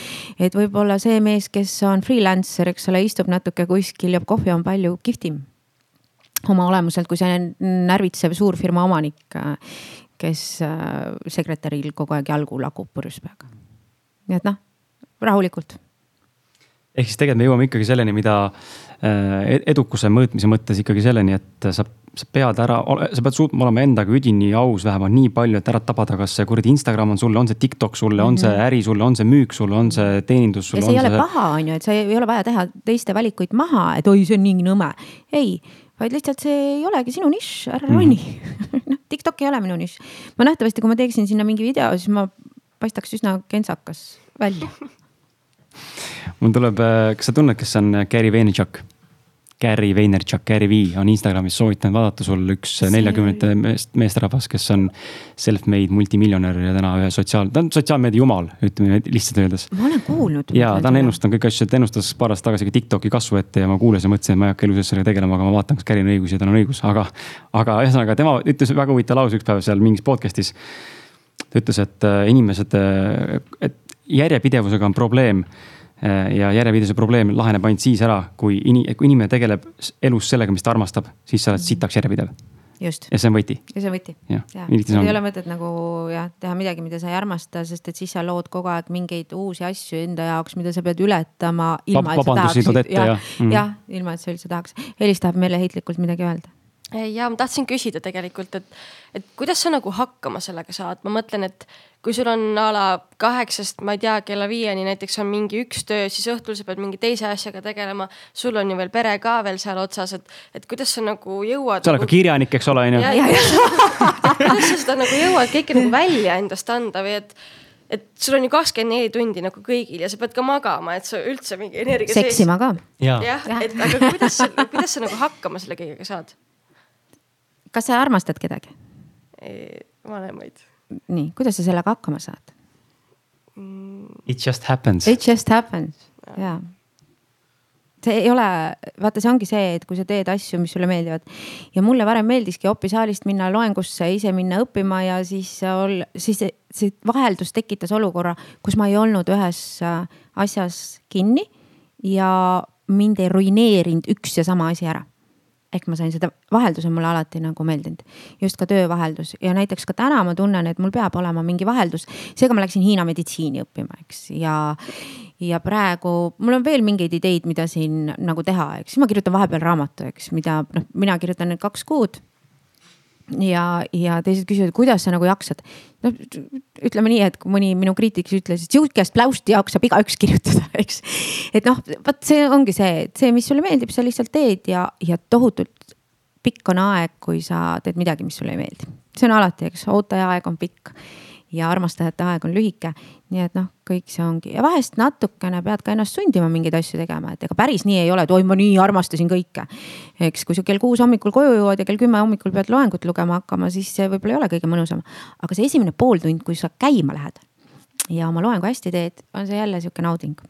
ja ma ju naudin tähelepanu, on ju, noh, see ongi sihuke, et ma ka vahest mõtlen, et kuidas näitlejad näiteks suudavad jälle ja jälle sama asja, sama korrata ja olla ja olla laval, eks spontaansed. No see peab sulle meeldima. sa ei saa muidu teha. Äh, minu poolt viimane küsimus sulle siis, Eliise, kui soovib, saab küsida omakorda midagi veel juurde. Ähm, sa oled äh, ilusüstide kuninganna. nii, nii ajakirjandus kunagi pani äh, mulle selle hüüdnime jah, ja mulle nii meeldib, kuidas teised kliinikud on nüüd hakanud kutsuma oma töötajad kõik, kes ilusüstidega tegelevad, kuningannaks, nii et noh, see levib. väga hea, sul on selja taga nelikümmend tuhat süstimist umbes, võib-olla enam rohkem, rohkem. Ja. ja kindlasti siis juba ka üle viie tuhande püsikliendi, ehk siis see arv on kasvanud ja noh, see, kes meil on pagasis jah ja., selles mõttes, et mis ei tähenda, et nad kogu aeg nüüd käivad, on ju, aga, aga jah. minu küsimus on sulle, et miks tullakse ennast kohendama ja kas see on vajalik mm? -hmm. me rääkisime väärikast vananemist, on ju mm. -hmm et äh, ma pean ütlema, et äh, see maailm on üsna julm nii naistele kui meestele. et äh, aina rohkem on kultus noortele ja ilusatele, pole midagi teha, see on läbi sajandite olnud, no olgem nüüd ausad, isased vaatavad ikkagi, et kui me läheme selle primitiivsele, jätame kõik selle vaimu ja, ja sügavuti ja. et kui mees sind vaatab, siis ta kindlasti esimesena ei vaata, kui sügavalt ilus sa oled, vaid ta vaatab, kui väliselt ilus sa oled, eks. et see kindlasti vestluses ja hiljem ja, ja kõiges muus see moodustub. et kahjuks või õnneks äh, me ei taha keegi istuda nurgas, kui meid enam ei nähta ja mina olen täpselt see tüüp, et kes tahab, kui ta sisse astub, et pead pöörduksid. ma arvan, et minu jaoks ongi pauk see, kus enam pead ei pöördu. ma lihtsalt olen üks äh, inimene, kes, keda ei nähta. ja see nähtamatu, vot seesama tähelepanu, eks, et, et see käib sellega koos. ja kui ma vaatan ka ütleme Vene staare või Alla Pugatšovat on ju, ta on seitsekümmend üks ja ta peab hea välja nägema, sest kõik ootavad talt seda. ja ta saab ka aru, et kui keegigi tabab ära, et ta ikkagi noh, juba tudiseb, on ju, on seal Parkinson või midagi tekkinud, siis on kõik siis kuidagi kogu see kuulajaskond ja kõik, kõik langeb ja see on nii alatu see maailm selles mõttes on, on alatu. Ja nagu ma olen ka öelnud, ei ole kortsud väga vananemise tunnus, aga just see vajumine väsimustunnus, eks silmaalused ja kõik ja see läheb ära. ja isegi kui naine on jube elurõõmus, ta tulebki minu juurde ja ütleb, et mul on suunurgad nii all, nii kui ma tõsiseks näen, ma jään nagu noh, tead sihuke õnnetu bokser. Ja nagu ma ütlesin, mehed armastavad, kui me võtame sihukese heterosuhtena, aga inimesed üldse armastavad rõõmsaid inimesi. Kas sa tahad minna selle juurde, kellel on sihuke kuri ja ära vajunud nägu, sa juba see küsimine, et temalt tekitab sinust seda, et sa pead seda small talk'i tegema. või see, kes on selline, on ju, see tšau, tšau, on ju, kohe on teine asi. ja seesama mm, vanuse muutusega väljendub just see morn ja, ja see olek, et ma tegelikult äh,, mina ju olen kogu aeg öelnud, et mind ei huvita mingite suurte huulte tegemine, mul on huvitav säilitada seda nägu värskena. et kui inimene tuleb, talle tundub, et ta on värske, on ju. nagu mulle sõbranna ütles, et issand, ma joon siin kolmas päev Saaremaal. ma olen tipp-topp, teised mutid kõik nii ära vajunud et noh, see, see on see point on ju, et äh, teine nišš on huvitav, et kui keegi ka mõtleb, ah mis nagu keegi kirjutas mulle raamatul, ma mõtlesin, mis see kuradi süstija joriseb seal.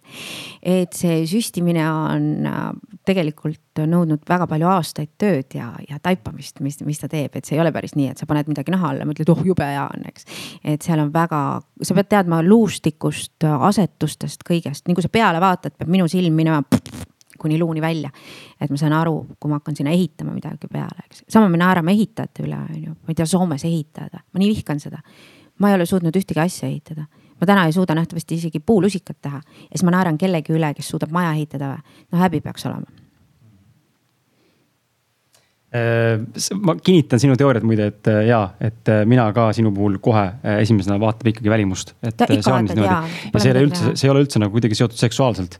Aga see on paratamatus ilmselt, ma arvan, kuidagi meie sees äh, nagu natuurid või siis see nii-öelda primitiivne koopa inimese instinkt. ja, aga me ei lähe kodutu juurde uurima, istuma maha, et kuidas, äkki ta on ikka rikas. Noh, see on nii, sest et ongi seda infot tuleb nii palju ja sellepärast ongi kõik need, vaata horoskoobid ja kõik ongi meie jaoks väga söödavad, sest nad annavad meile võimaluse hinnata kohe. sa vaatad riides on ju pissunud püksi, kodutu, selge, sa ei lähe, sa lähed kaarega mööda seesama kutt on väga kallis kingas, ka natuke pissune, kohe lähed juurde, härra, vabandage, kas teil on paha? jah, et need ongi need kiired analüüsid, mida me teeme, kuigi see ilusas kingas on võib-olla, ma ei tea, naistepeksja ja debiilik ja see kodutu on väga ausalt, korjab oma asju ja, ja elab oma vaikset elu. aga meil ei ole aega süveneda. ja, ja me ei tahagi süveneda, et noh, meil ongi seda, et me loome seda keskkonda enda ümber, mis meile oleks kasulik ja tooks profitit. et me ei taha ka mingeid, noh, ongi see, et oi sõprus, ennem kui sa rääkisid sõprus sõprus on tavaline suhe, kus me tahame, peame üksteisele kasulikud olema. ei ole mingit sihukest hingematvat, noh, ma ei kujuta ette, ma ei ole näinud vähemalt. et me ikka peame olema, ükskõik, sa võid olla, mul on raha, aga sul on mingi see vaimne asi, ma saan sealt selle mm. -hmm. et, et või sa teed midagi, mida teised armastavad. Eliise, on sul äh, soovi midagi küsida? paar minti on veel aega, et küsida ja vastata või pigem mitte? praegu vist ei olegi rohkem midagi. Pole midagi küsida.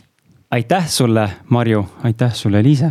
aitäh teile, mul on tõesti väga suur au siin olla täna. ah, tead, ära üle pinguta, sulle hakka. saab veel, kui sa saad kuulsaks, siis sa ütled, et keegi küsib Marjut, tead. oh, see vanem proua seal, Ja, siis juba loll juttu, vaata. vaata, kui kihvt ongi see, et kuidas autoriteedid nagu minu laps ütleb selle kohta on nii hästi öelnud, et äh, te saate mingil hetkel, et tema sõbrad on kõik aru saanud, et ta vanemad on lollid. ja ta nii ilusti ütleb, aga ma ei ole siiamaani veel aru saanud, et mu ema loll on. ja enam nagu paremini öelda ei saa emale ja rahakott jälle avaneb, eks ole, ja, ja kõik see on seesama lugu. nii et aitäh, et viitsisite kutsuda, aitäh, et sa seltsis olid ja, ja, ja lugege raamatut, mitte midagi uut ei ole, kõik on toores, kõik on tavaline ja peabki natukene olema toorem ja tavalisem, ärge looge asju enda peades, mida te kahetsete ärge üle tähtsustage. ära üle täht-, just ärge nüüd elu üle tähtsustage, see kõik on, kõik me muutume mullaks. kust äh, sinu kohta lugeda võib? leheküljed, Instagram, Facebook, mis sul on? tead sa, ei, mul ei ole, ma ei ole blogger ja ma ei ole. ei tee üldse reklaami? ei, ma nii mm,, Okei. ei mm, -mm. hea küll, ja Marju Karin panete sisse, ma olen avalik naine ju. selge. Eliise, reklaam sulle. Shout parem- out kiiresti, mis sa tahad anda? Nüüd on see hetk, Nüüd on see kuulsushetk. ema, ema, ema, isa. nii, kus sind leiab? ma ei kasuta väga Instagrami, aga muidu sealt võite leida Eliise Lomp. kas sa oled freelancer või? jah kus sult äh, tellida saab äh, ja mida? võite mulle otse kirjutada Facebooki või Instagrami, ma arvan, videosid teen. maratoni stuudio kaudu võib ka muidugi ühendust võtta. ja kus su töid näib siis? Näiteks äh, festi-, investeerimisfestivali alt tulevad äh, mingid videod praegu välja, et seal ma tegutsen. väga hea, hea pagas, millega alustada. absoluutselt. aitäh sulle, armas kuulaja, et sa vastu pidasid ja, ja tee mulle teine jaga seda saadet vähemalt ühe sõbra või sõbrannaga, kes äh, võiks tunda, et ta võiks samamoodi siit leida väärtust, sest et nagu ma lubasin saate alguses, vestlus sai väga vabas vormis, väga mõnus, mulle väga nautisin ausalt. mina ka, mulle meeldivad kuidagi..., mulle ei meeldi need etteantud küsimused, kus ma pean välja mõtlema, siis ma kolm korda mõtlen ja siis, kui tuleb see küsimus, sul on meelest läinud ja siis sa teed sihuke, sest muid mõtteid niikuinii Mhm. ei ole ja välja mõeldud, et ei. ma olen kõik, kes mind on intervjueerinud, ütlenud, et ärge saatke mulle küsimusi et ka siis, kui mind tahetakse rünnata, mulle lihtsalt meeldib see enda spontaanse plämaga, mis sealt tuleb, vaata, aga vastu, siis sa paned ka naksu, pärast küll mõtled, kurat, oleks veel peenemalt saanud. aga just see, et äh, see on mõnus äh, verbaalne tanner mm, -hmm. kus siis äh, koos pläustida mängida, mängida muda sees nagu väiksed lapsed, mulle meeldivad need asjad. väga äge nii et äh, aitäh sulle, armas kuulaja ja. ja aitäh, et mind kannatate ja, ja, ja ei olegi muud. Äh, kohtume sinuga juba esmaspäeval ja samuti ka reedel, nii et äh, ja tšau. tšau.